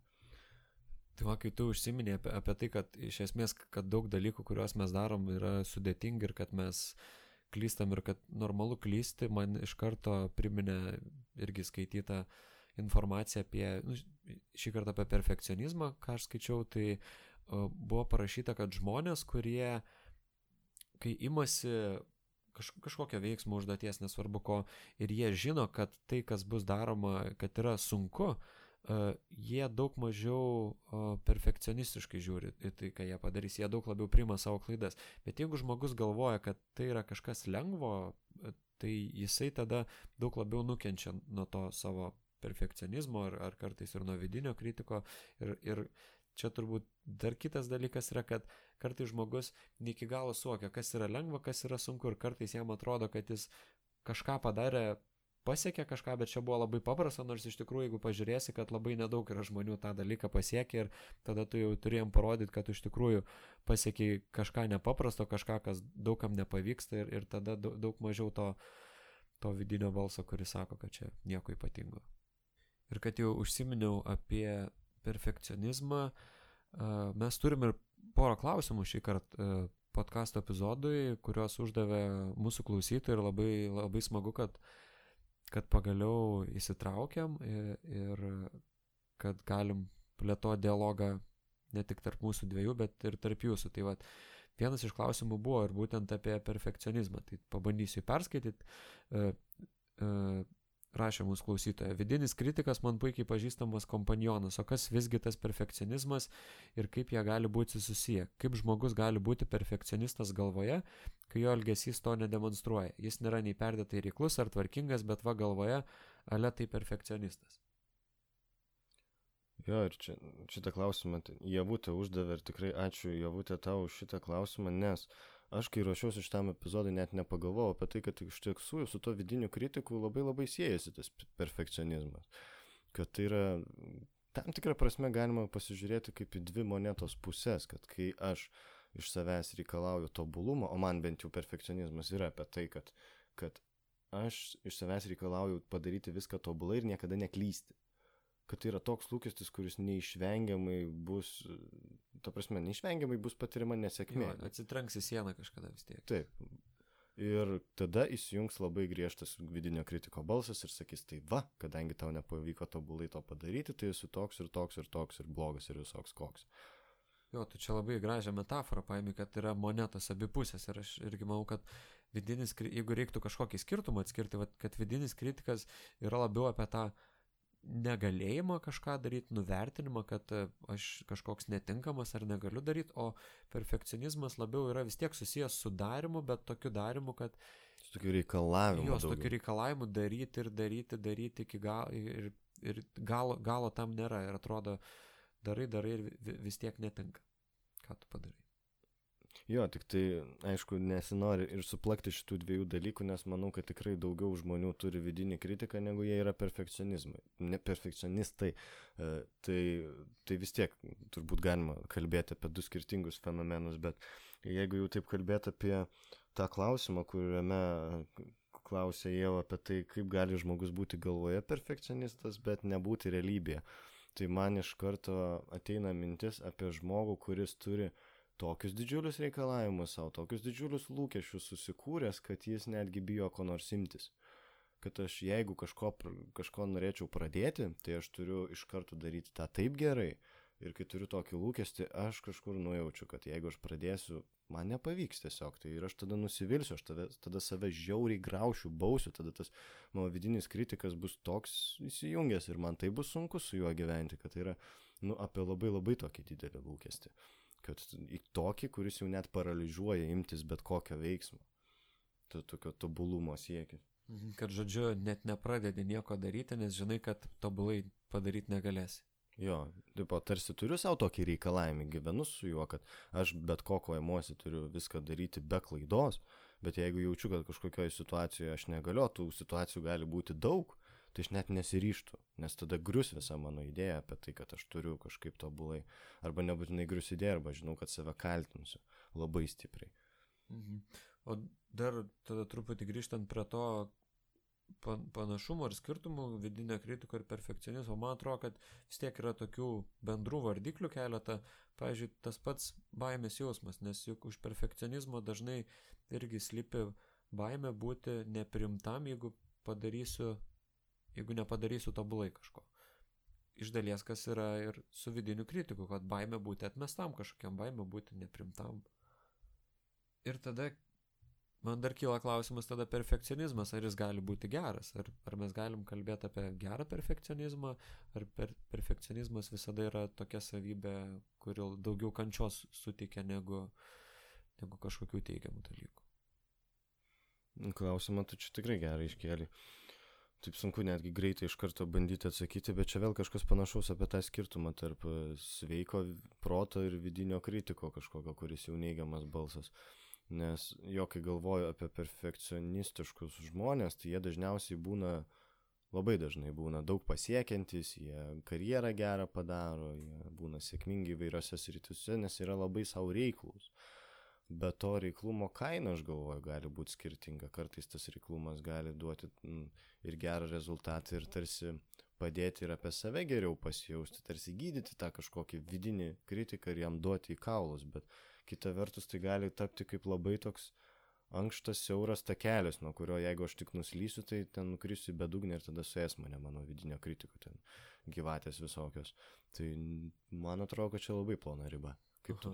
Ir man patiko, kad paminėjai, kad daug tų žmonių, kurie šiaip perfekcionistai yra, daug pasiekę jie yra, bet tarsi jie yra pasiekę iš kitų perspektyvos, kad kiti mato juos kaip daug pasiekus. Man visada kyla klausimas, kiek jie patys galvoja, kad jo. jie yra daug pasiekę. Čia yra tas momentas, kur atrodo apetitas labai dažnai kyla bevalgant ir tokie žmonės dažnai visą laiką vis orientuoti į kažką dar daugiau, nesvarbu, kame aš esu, aš net kartais nesustoju įvertinti ir padėkoti savo ar pasidžiaugti, bet visą laiką vis matau kažkokią tarsi kaip meškį ir užmestą į priekį, link kurios aš turiu eiti non-stop. Ir tai yra apie kažkokią tokią, dažnai, pavyzdžiui, Adleris kalbėjo apie tas fikcijas, vėlgi, kai tu paminėjai apie tą prieimimą, kad jeigu dabar labai paprastą modelį tokį pateikus, Tai pavyzdžiui, jeigu tėvai vaiką myli tik tai tada, kai jisai atneša dešimtuką iš mokyklos, o už aštuonetus ten šešetus baudžia, tarkim, pasiema diržo, tai tada tas vaikas išauga su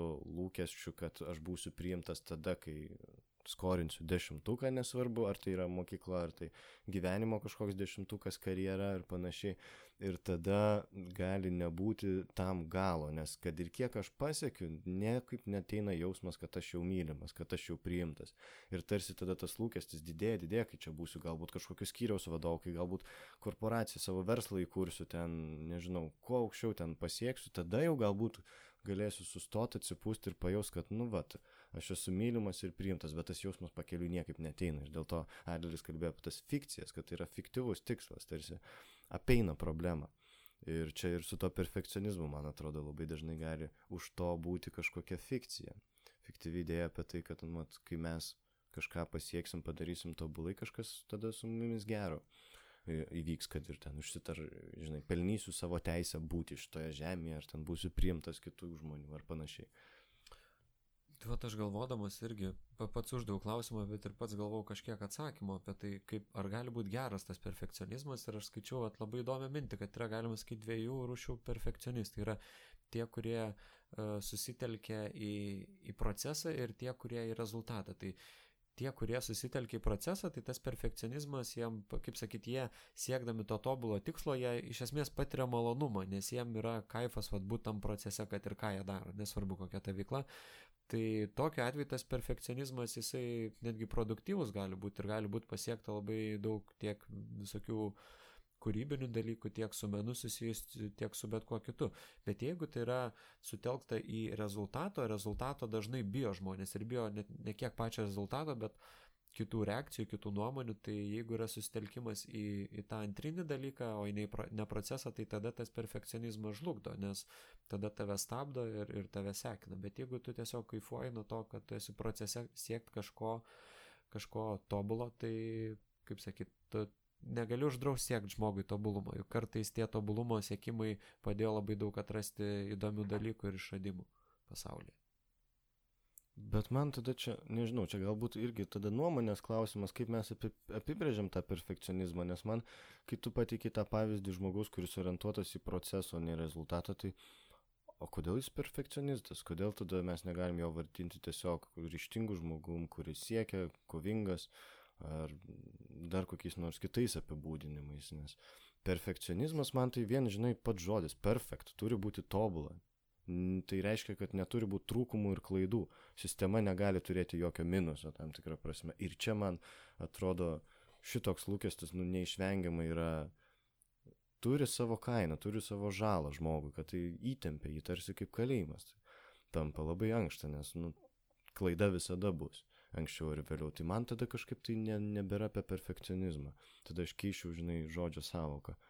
Jo, čia tu gerą aspektą iškėlė, visgi viena mintis, kurią pasakiau, nebuvo mano, aš ją perskaičiau ir tai tikrai turbūt yra diskusinė, bet ten buvo rašoma būtent apie tai, kad, nu, kad tam toj pozityvioje perfekcionizmo formui tas perfekcionizmas duoda tą energijos drivą siekti kažkokių labai didžių pasiekimų, tai va būtent tų didžių, tai galbūt tie žmonės, kurie neperfekcionistai, jie gal ne, nesiorientuoja į tuos labai didžius pasiekimus, kad mhm. jiems užtenka tokių paprastesnių. Aš čia tiesiog samprotauju dabar. Arba aš galvoju, kad galima tuos žmonės vaidinti vėlgi kažkokiais ambicingais ten ar kitai, kitais žodžiais, nes man kažkaip, aš laikyčiausi tos pozicijos, žinai, kad vis tik perfekcionizmas daugiau kalbėtumėm apie tokį kaip, mm, kaip neurotinį dalyką, daugiau apie apsunkinantį žmogaus santykių su, savi, su savimi pačiu, apie tokį reiškinį, ne, to, ne apie tai, kad tai yra geras ir dabar tai puoselėkim, nes mano galva čia dar yra biški ir tokio kultūrinis aspektas įsiterpia apie tai, kad tarsi kultūriškai priimtina ir, priimtina ir puoselėjama šiais laikais yra sėkmingo žmogaus idealas. O kas pasakė, kad būtent sėkmingas žmogus yra vertingas. Ir kad tai tarsi labiau vis tampa norma, mes normalizuojame tą dalyką, kas man atrodo visai pavojinga tą daryti. Štai, tarkai, klausiau tavęs, prisiminiau pavyzdį iš sporto, tarkim, čia turbūt irgi tinka į perfekcionizmo temą. Pavyzdžiui, tarkim, yra pasaulio futbolo čempionatas ir yra šalis, kurios visada būna aukštai ir, ir joms yra pasiekimas tik kai jos laimi, tarkim, taurę tą. O yra šalis, kuriuom pati didžiausia šventė vien patekti tą čempionatą. Taip. Tai čia, man atrodo, kad labai rodo, kad yra daug formuojamo to lūkesčio ne tik iš paties, bet ir iš kultūros, iš istorijos, iš aplinkos, vat, koks pasiekimas bus vertingas. Nes tikrai, jeigu paimsim bendrai, tai patekti pasaulio futbolo čempionatą yra geras pasiekimas. Nu čia wow, tu patenki tarp 32 pasaulio geriausių komandų. Jo, ir jeigu taip galvojant, atsiprašau, kad viškai pertraukiau, bet jeigu galvojant, žinai, iš skirtingų perspektyvų, pavyzdžiui, vieną žiūrėti bendrą ten kažkokį reitingą ir ten, nežinau, kokia nors ten šalis, ten Afrikos, o pateko pirmą kartą, arba ten Lietuva pirmą kartą pateko. Nebuvo patekus nesvarbu, nesidomiu aš futbolu, bet esmė tokia, kad e, jeigu mes žiūrim iš kažkokio reitingų perspektyvos, mes tą matom kaip, žinai, tokį nedidelį dalyką. Jeigu pažiūrėti iš to žmogaus, kuris kažkada vaikas būdamas pirmą kartą spyrė į futbolo kamulį ir ten kieme kažkaip jie spardėsi, mušinėjo, tada ėjo plušo treniruotėse ir tada labai daug dėmesio tam skyrė, galbūt savo mytybą keitė, daug, daug, daug savo laiko ir energijos į tą sudėjo ir jisai, kad ir toj prastesnėje komandai atsidūrė tame čempionate. Tai čia vėl man, žinai, toks pavyzdys apie tą, ar lyginti save su tuo, kuo vakar buvau, ar su tuo, kas yra šiandien, nes galbūt kažkokiam ten, nežinau, Bayern ar kokiam kitesniam klube yra daug geresni žaidėjai ir aš tipo vis tiek lievas. O kad čia, čia tas, kad labai svarbu ir pats nueitas kelias ir kaip, kaip tu atsiradai tame. Tai tas, tas gražus pavyzdys tokio ilgesniai laiko perspektyvai, kad jeigu tu lyginsies tokiu, kokiu vakar buvai, tai tu vakar žaidai top klube ir dabar esi top čempionate, bet galbūt vat, prieš tris metus tu žaidėjai visiškai kitam klube ir mažytis jis buvo, ar dabar jau tu daug pasiekęs. Buvo netgi toks trumpas pavyzdys dar toks Paulinio futbolininkas, kuris žaidė Vilniaus klube, o paskui jisai nukeliavo iki Barcelonos. Tai galima pasakyti, kad nu, tas kontrastas didžiulis, kas buvo pasiekta. Jo, ir čia toks gera metafora, žinai, vat, tu man dar labiau išryškinai apie tą nueitą kelią, kad ir apie tuos žmonės, kur aš prieš tai minėjau, kurie susiduria su tragiškom istorijom, šeimos tragiškais įvykiais, kur, mm, kad ir dabar prisimenu vieną žmogų, kuris, kurį ten keturių metų jau paliko mama, kuris gyveno skirtingose šeimose, ten praktiškai buvo mėtomas iš vienos šeimos į kitą ir panašiai. Ir žmogus, kuris gyveno su tokiu nereikalingumo jausmu ir save labai irgi baudžia už tai, tas vidinis kritikas labai gajus, kad ten kad yra jautrus, kad, kad, kad jautriai reaguoja kažkokį atstumimą, kad yra pažeidžiamas, jausmingas. Ir e, tai man irgi kažkaip, žinai, kalba viena yra, bet kita vertus, tas žmogus, nepaisant ko, tark, e, jam tam žmogui, su kuriuo aš dirbu, neseniai įvyko ten su darbais sunkumu ir jis neteko darbo ir labai staigiai greitai susirado kitą ir tada ten įvyko kažkokių ir ne, finansinių nesklandumų, tas žmogus apsėmė daugiau kitų darbų ir puikiai ten dirbo praktiškai be išeiginių visą laiką. Ir vis tiek jisai, kai susiduria su savo to jaus, jautriu momentu, jisai save nuvertina, bet viena, kai aš pagalvoju žmogų, kuris augo ten sėkmingoje šeimoje, ta prasme, darnioje šeimoje, kur visą laiką ten šeštadienį ryte buvo blynai ant stalo, kur tėvai buvo palaikantis, suportinantis ir jis dabar ten kažkur dirba ten per kelis darbus ir kažką daro. Ir kitas žmogus, kuris iš tokios patirties atėjo iki tos paties, iki realiai to paties, tai atstumas, kuris yra nueitas iš kažkokio sunkumo iki dabartinės būsenos, yra keliariopai didesnis.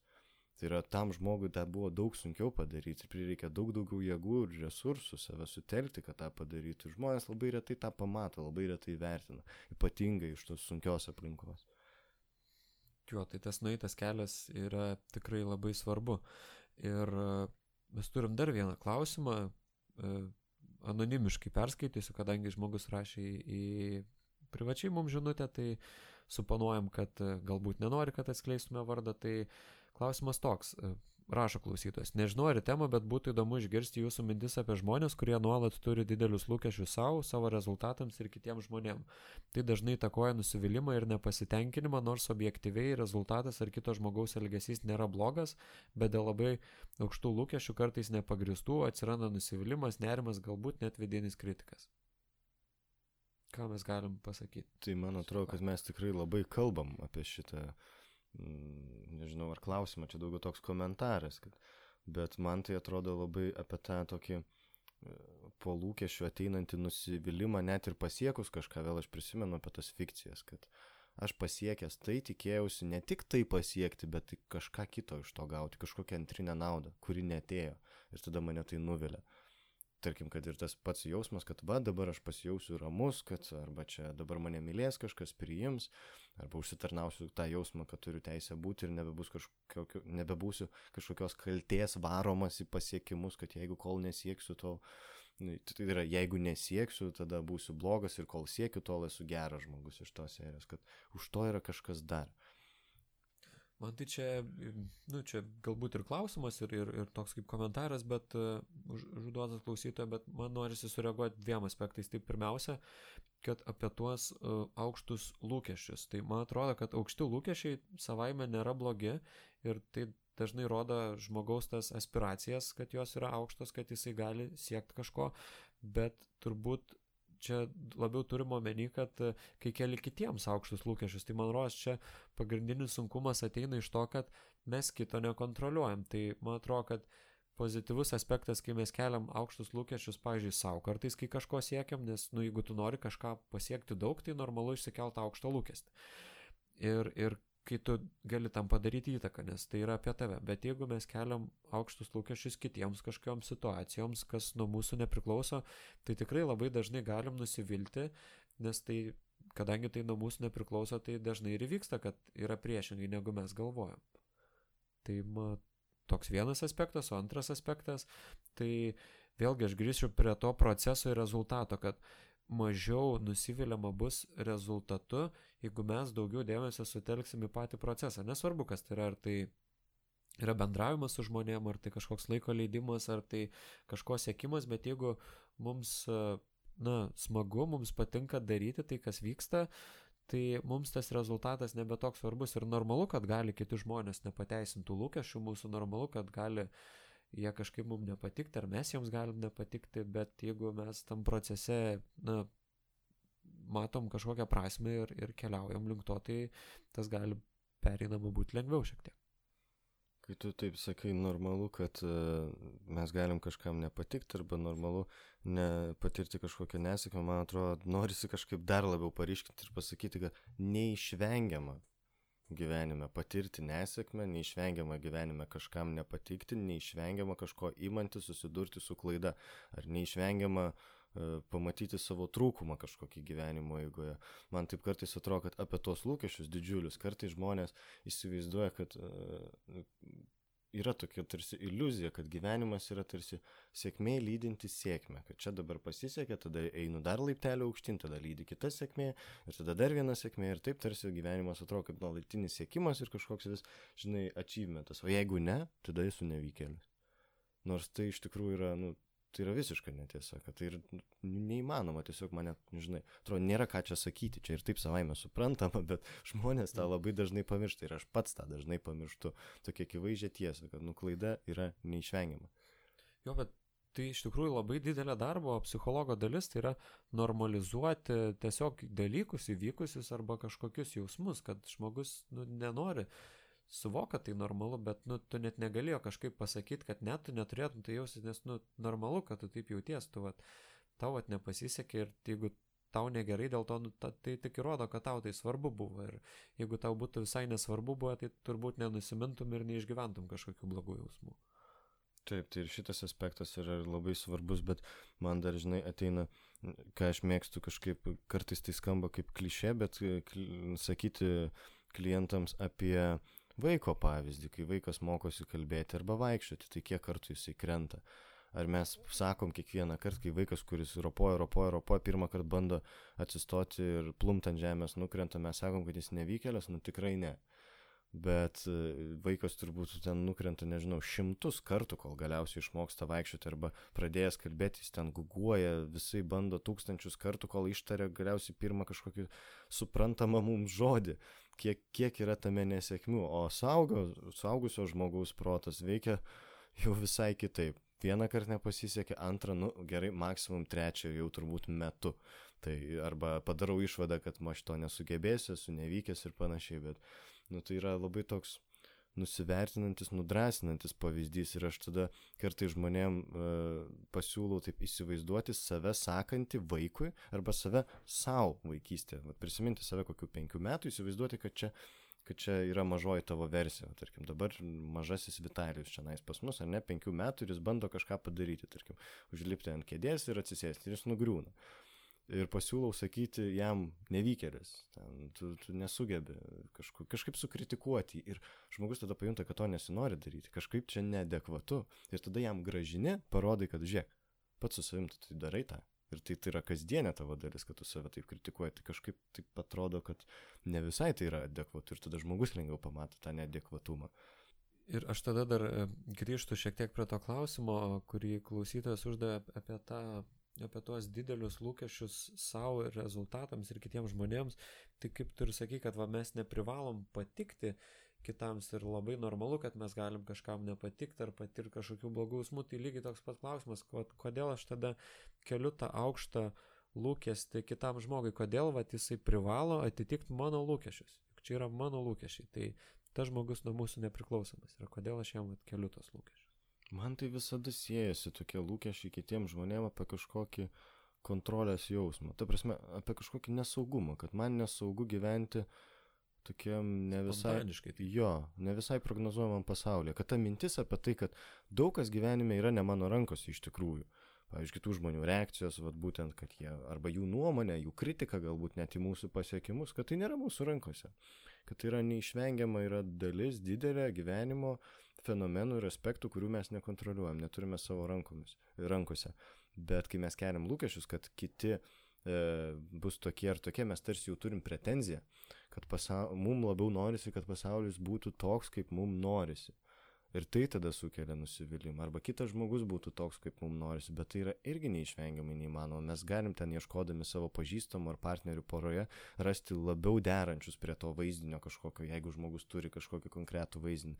Bet visada žmogus nustebins. Ir visada gyvenimas nustebins. Niekada ne, nevyks tai.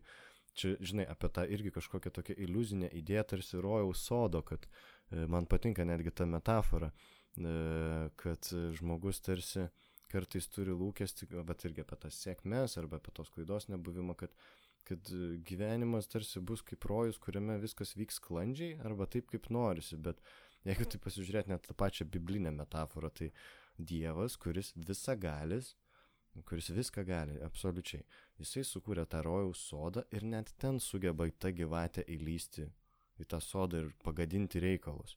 Tai man tai toks labai geras vaizdinys apie tai, nu, o tu žmogau irgi dabar nori kažką tobulai padaryti. Žiūrėk, Dievui nepavyko. Bet tu dabar bandai pretenziją savo keli būti Dievu ir kažką tobulai gyventi. Čia aš vėl grįžtu apie lūkestį savo, aišku, bet arba tikiesi iš kito, kad jis bus toks super geras. Nu tai yra neišvengiamai pasmerkta žlugti. Jo, čia labai labai graži ta iš tikrųjų metafora, kad jeigu net e, Dievas klysta ir, ir ten kažkokių klaidų padaro, tai tikrai, tikrai kiekvienas mes galim klysti. Ir aš irgi prisimenu tokią citatą, aš net nesu tikras, man kažkas buvo užsiminęs, kad jinai lyg ir anoniminėse alkoholikose irgi yra naudojama, bet jin skamba maždaug taip, kad Dievas man davė stiprybės priimti dalykus, kuriuo aš negaliu pakeisti, drąsos pakeisti dalykus, kuriuos galiu ir išminties atskirti, kuriuos aš galiu pakeisti ir kurių ne. Taip, taip, apie to skirtumo supratimą. Tai čia irgi tas labai turbūt svarbus apie tos lūkesčius kitiems žmonėms. Kiek aš galiu pakeisti, kiek ne. Nu, dažniausias lūkestis, kokį mes turim kitiems žmonėms, tai tevam dažniausiai, kad jie būtų kažkokie kitokie. Ir tas yra irgi labai ilgas terapinis darbas kartais su žmonėm priimti, kad, nu, va, tėvai yra tokie. Suprantu, kad tu turi lūkesčių, kad jie būtų labiau mylintis, labiau įsiklausantis, labiau priemantis, labiau pritarantis, nežinau, ten tavo tatuiruotėm, ar tavo specialybės pasirinkimui, ar ten tavo lytiniai orientacijai, ar ten dar kokiem nors skirtingiam gyvenimo aspektam, bet jie yra tokie. Ir tada aš jau manau, kad galim keliauti pabaigą, ar ne, Gediminai, šiandieną? Ar dar nori kažką pridėti?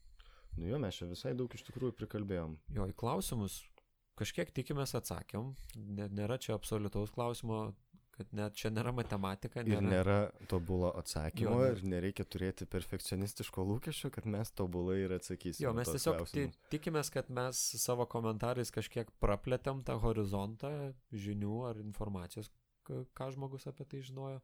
Ir dar noris man kažkaip vat, į tą vidinio kritiko temą padrasinančiai sureaguoti taip, kad ir mes patys labai susidūrėm su tuo vidiniu kritiku, turbūt kai mes galvojam apie podkasto kūrimą. Aš atsimenu, aš sugalvoju apskritai idėją kurti podcastą, bet aš galvoju, kad vienas aš tikrai nenoriu ir tikrai būtų nesąmonė ir aš parašau Gediminui, gal labai netikėdamas, kas čia bus, ko nebus ir sako, jo, aš labai noriu irgi, visai būtų įdomu. Ir nu, tas vidinis kritikas tai mumise buvo tame, kad nu, mes jau nesam psichologai, jaunas psichologas tai toks tarsi oksimoronas, ką mes čia galim pri prikalbėti ir kas čia galės mus klausyti. Tai mums irgi reikėjo peržengti tam tikrą ribą. Sutinki su tuo? Jo, sutinku, tik tai dar, va, taipogi noriu priminti, kad, e, ką buvo minėję pirmame epizode, bet jeigu tik dabar klausot, kad mes ir net nesiekiam atstovauti psichologų bendruomenės balso, kad, nu taip, mūsų išsilavinimai specialybės yra psichologų, mes galim labiau kalbėti tomis temomis, bet mes nesame reprezentatyvūs visai tai bendruomeniai. Tai čia toks tik tai paminėjimas. Bet dėl vidinio kritiko, tai jo, iš tikrųjų labai tą aš jaučiu, kai e, po įrašo per, perklausau epizodą ir ten kur kokie ten trukdžiai, triukšmai, kad ten, ten nukirpti kažkokį nesklandumą, kur ten geriau garsiai atsigeriau ir trinktelėjau kažką, kad, nu, epizodas gražiau skambėtų. Ir tada, kai klausaus ir visi įsijungia tas vidinis kritikas, gal, blemba, va čia tai kažkaip užveltai pasakiau. Šitoje vietoje galbūt ten per daug šnekėjau ir ne, nepasakiau esmės, arba negrįžau prie to, nuo ko pradėjau. Ar dar kažkokie visi įsijungia ir aš tą atpažįstu, kad kažkaip irgi yra toks lūkestis kažkaip, vat, daryti tą gerai, nes yra vaizdiniai apie visokius žmonės, kurie turi gerus oratorinius sugebėjimus, žmonės, kurie podcastus daro jau ten N metų, arba ten galvoja apie kokį Jordaną Petersoną, kuris puikiai gali artikuliuoti savo mintis, bet kiek jisai valandų praktikos turėjo dėstyti kitiems žmonėms, ten viešai kalbėti ir panašiai, tada kažkaip tas mane ramina, bet automatiškai pagaunu savį lūkestį, kad turėčiau tarsi jau gerai kalbėti, nors tai realiai pirmas kartas, kada gyvenime kažką tokio, vat, užsiemu, tai tokiu kalbėjimu, kuris, ar ale tai viešas, nu išeina į eterį kažkokį. Taip. Ir tai yra vis tiek įgūdis, kurį, kuris yra lavinamas, kad tai yra procesas kažkoks. Ir tai mane kažkiek ramina, bet ir tuo pat metu toks yra tarsi šokis su tuo vidiniu kritiku. Kartais jis man duoda į galvą, kartais aš jam. Jo, žinok, man labai panašiai dėl to, kad e, irgi yra normalu norėti padaryti kokybišką podcastą ir daryti gerai, nes jeigu galvotume, kad ai belė kaip darysim, tai nu ir nesistengtume. Ir su, su tuo sklandžiu viešu kalbėjimu, tai man irgi panašiai yra, kad aš tikrai dažnai noriu pasakyti galbūt uh, truputį kitaip, bet tiesiog, vat, kalbant, va čia ir dabar, kaip mes sėdim kabinete tarptų dviejų mikrofonų, uh, kartais susivelia tos mintis, bet, bet tiesiog ateina kita mintis į galvą, kad jau geriau sakyti jas tokias ir treniruotis kalbėti, negu laukti kažkokio neaišku kokio momento, kada aš jau neva tobulai kalbėsiu, reikšiu mintis ir, ir jau gal, gal niekam nebeįdomios tas mintis bus arba per vėlai. Jo, ir čia turbūt grįžtant prie to klausimo, kaip žmogus gali būti viduje perfekcionistas, nors iš šono to nesimato. Tai tai, kad tu pasaky, kad lauksiu tinkamo momento, tai irgi kažkoks toks, kai laukiu, laukiu, laukiu ir kažkada atėjus tinkamai momentui, va jau tada padarysiu gerai. Nu, neįmanoma. Turi pradžiai pradėti ir pradėti prastai. Ne šiaip savo turime, mes net liaudė tos pasakymus, visokius pirmas blynas prisvilęs. Arba kas nerizikuoja, tą šampaną negeria, tai Tai, nu jo. Jo, tai, tarsi, pradedant kažką daryti, reikia visada surizikuoti. Kartais savo, savo savivertę, kai kiti tave gali nuvertinti, kartais autoritetu, kartais daug kažko mes pastatom, galima sakyti, ant kortos tam tikrus dalykus. Jo, ir čia labai svarbus momentas, man atrodo, tame, kad mes patys, atrodo, per tą einam ir šito podcast'o įrašuose kažkaip vis savo leidžiame labiau netobulai išnekėti. Aš atsimenu pirmame epizode, kaip e, mes ir struktūravom labiau, nes dabar labiau ateinam ir be plano, tiesiog kiekvienas atskirai pasirašym ir žiūrim, kaip gausis tas dialogas. Ir tame irgi yra, šitame pokalbėje, mano galva, vyksta gera tokia irgi repeticijos vieta tam tokiam baziniui pamatiniam įsitikinimui, kad ne viską gyvenime turiu savo rankose tam tikra prasme, kad tai, ką aš e, pagalvojau, ką norėčiau pasakyti epizodo metu, tai tavo komentarai gali nuvesti visai kažkur kitur ir aš atsidursiu kažkokioje nepažįstamai teritorijoje. Man ten bus baisu, aš. Taip dažnai būna. Ir tai būna nuolat, nes tai yra dialogas, kuris veda kažkur, jis visai turi kitą kažkokią spontanišką tiekmę ir kartais tai būna baisu, o dabar jau aš tai, tai priemu kaip tokią realybę, kur nu tai neišvengiama, vis tiek tai yra toks dinamiškas procesas ir aš galiu nenumatyti, tu gali užduoti klausimą kažkokį man, į kurį aš nežinosiu atsakymą ir bandysiu čia galbūt suvaidinti, kad žinau, arba kažkaip pasakyti, kad nežinau. Arba tai... tiesiog pasakyti, kad nežinau ir gal tu pat žinai, arba kažkaip kitaip pat sureaguoti, kad nu, nėra, nėra kažkas blogo nežinot atsakymų klausimų. Čia turbūt irgi geras priešnulis tam vidiniam kritikui, kad mes galim pasakyti nežinau. Taip. Arba mes galim pasakyti nemoku, bet ne tokį uh, žinai, kartą ir visiems laikams, kad nemoku, nesugebu ir nesugebėsiu, bet kad, nu jo, nemoku, bet galiu mėginti mokytis, galiu mėginti bandyti, galiu mėginti pirmą gitaros mhm. akordą išspausti, kaip pavyzdžiui. Jo, jau visai pabaigai aš prisimenu tokį Jono Meko atsakymą į klausimą, kaip tik irgi buvo podkastas su Jonu Meku, e, kai jisai dar buvo gyvas čia prieš kelis metus ir uh, jo paklausė kažkas irgi klausytojai galėjo užduoti klausimus, e, komentarus ir klausė, ką daryti su tuo vidiniu kritiku, kuris, e, kuris trukdo kurti. Ir Jono Meko atsakymas iš pažiūros šiaip žiaurokai nuskambėjo, nes aš dabar taip labai tiksliai nepacituosiu, bet jis skambėjo maždaug taip, kad e, kad jeigu tau tas vidinis kritikas trukdo kurti, tai nu tau ir nereikia kurti. Tai kartais reikia, kad tas noras kažką daryti būtų stipresnis už tą vidinį kritiką. Tai vat, e, kažkaip vat, mes turėjom tą norą didelį kurti ir mes jo pagalba įvykėm tą vidinį kritiką ir manom, kad ir kiekvienas iš jūsų gali taip pat e, savo noru kažką padaryti, savo supratimu apie save patį, nugalėti tą savo vidinį kritiką ir, ir žengti ten, kur, kur norisi žengti. Jo, tai pabaigai tikrai padrasinančiai, bet pradžia ta Jono Meko mintis man taip griežtai skamba. Aš ir sakau, kad jinai žiauroka yra, bet iš tikrųjų dalis tiesos yra tam ypač, kas susijęs su kūryba, nes nu, kūryba nėra, sakykime, toks kasdienybės dalykas, vis tiek mes suvokiam kūrybą kaip kažką tokio ypatingo. Tai jeigu tu nori kažką kurti, kažką daryti ypatingo, tai, nu, tai tavo noras tą daryti būtų, turi būti stipresnis už to vidinį kritiką. Jo, bet man tai labiau, man asmeniškai labiau veikia padrasinančiai ta mintis, kad, žinai, jeigu nori kažko imtis, ko anksčiau nedarai, tai pradėk daryti tą prastai. Jo. Turėk tokį lūkestį, kad pradžioj darysi prastai, nesiseks. Pabandyk tiesiog. Ten, tarkim, jeigu nori parašyti kažkokį apsakymą, niekada gyvenime to nesidarė, sakau, nu kas čia iš manęs rašytojas čia bus, nu tai parašyk prastą apsakymą, parašyk vieną prastą pastraipą. Pradžioje. Gal, gal net vieną sakinį, jeigu negali jo. pastraipas parašyti. Jo. Ir ne šiaip sakinį, kažkokį nuostabų ten sakinį, kuris rašytojiškai ir kaip nors ten literatūriškai labai skamba, bet vieną prastą sakinį. Kad tai būtų bent jau pirmas žingsnis link to. Tai man kažkaip tas atrodo labai padrasina vėl apie to, turbūt nuėma tą perfekcionizmą kažkokio lūkesčio tobulumui. Tai vad, mes jūs drąsinam, mes ir patys susidurėm su savo vidiniais kritikais, tai nėra kaž, kažkokia savybė, ko, ko psichologai neturi. Ir... Jo, žinokit, psichologai nėra tobuli. Jo. Ir kuo, kuo toliau mes, kuo toliau klausysit, turbūt vis, vis daugiau pamatysit, kaip, kaip mes einam į tas visokias netobulumo temas ir pabaigai turbūt tiek, kad ačiū, kad klausėt, sekit mus Facebook'e. Jo, ir ačiū labai tiem žmonėm, kurie pakomentavo ir tikrai drąsiai galite ir jau išėjus postui komentuoti. Arba, ir ateityje turbūt darysim taip, kad prieš būsimą taip. epizodą paskelbsim įrašą Facebook'o ir komentaruose arba mum vat privačiai. Jo, gali tikrai rašyti, tikrai jeigu nor, norisi anonimiškai užduoti komentarą, užduoti klausimą arba kažką pakomentuoti, galite visada rašyti į, į dialogą Facebook'ą, mes perskaitom, sureaguojam, e, jeigu galim per, per podcastą ir, ir atrašom žmonėms. Tai va, sekit Facebook'e, prenumeruokit YouTube, klausykit Spotify platformose, yra ir kitose platformose visada parašom, kur mus galima rasti ir jau turbūt gražių naujų metų, nes sustiksim jau tik tais kitam šio amžiaus dešimtmetyje. Kitam dešimtmetį Tai eiktų skamba savo. labai baugiai. Labai negreit susitiksim. Taip. Nu jo, ir duokit į kaulų savo vidiniam kritikam. Ir kai kursit New Year's Resolution, naujus planus, tai mes kiti šoną tos visus negebu, nesugebėsiu, nemoku.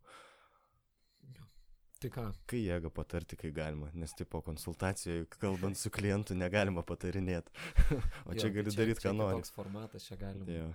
Jo. Tai ką, ačiū, kad klausėte, iki. Ačiū iki.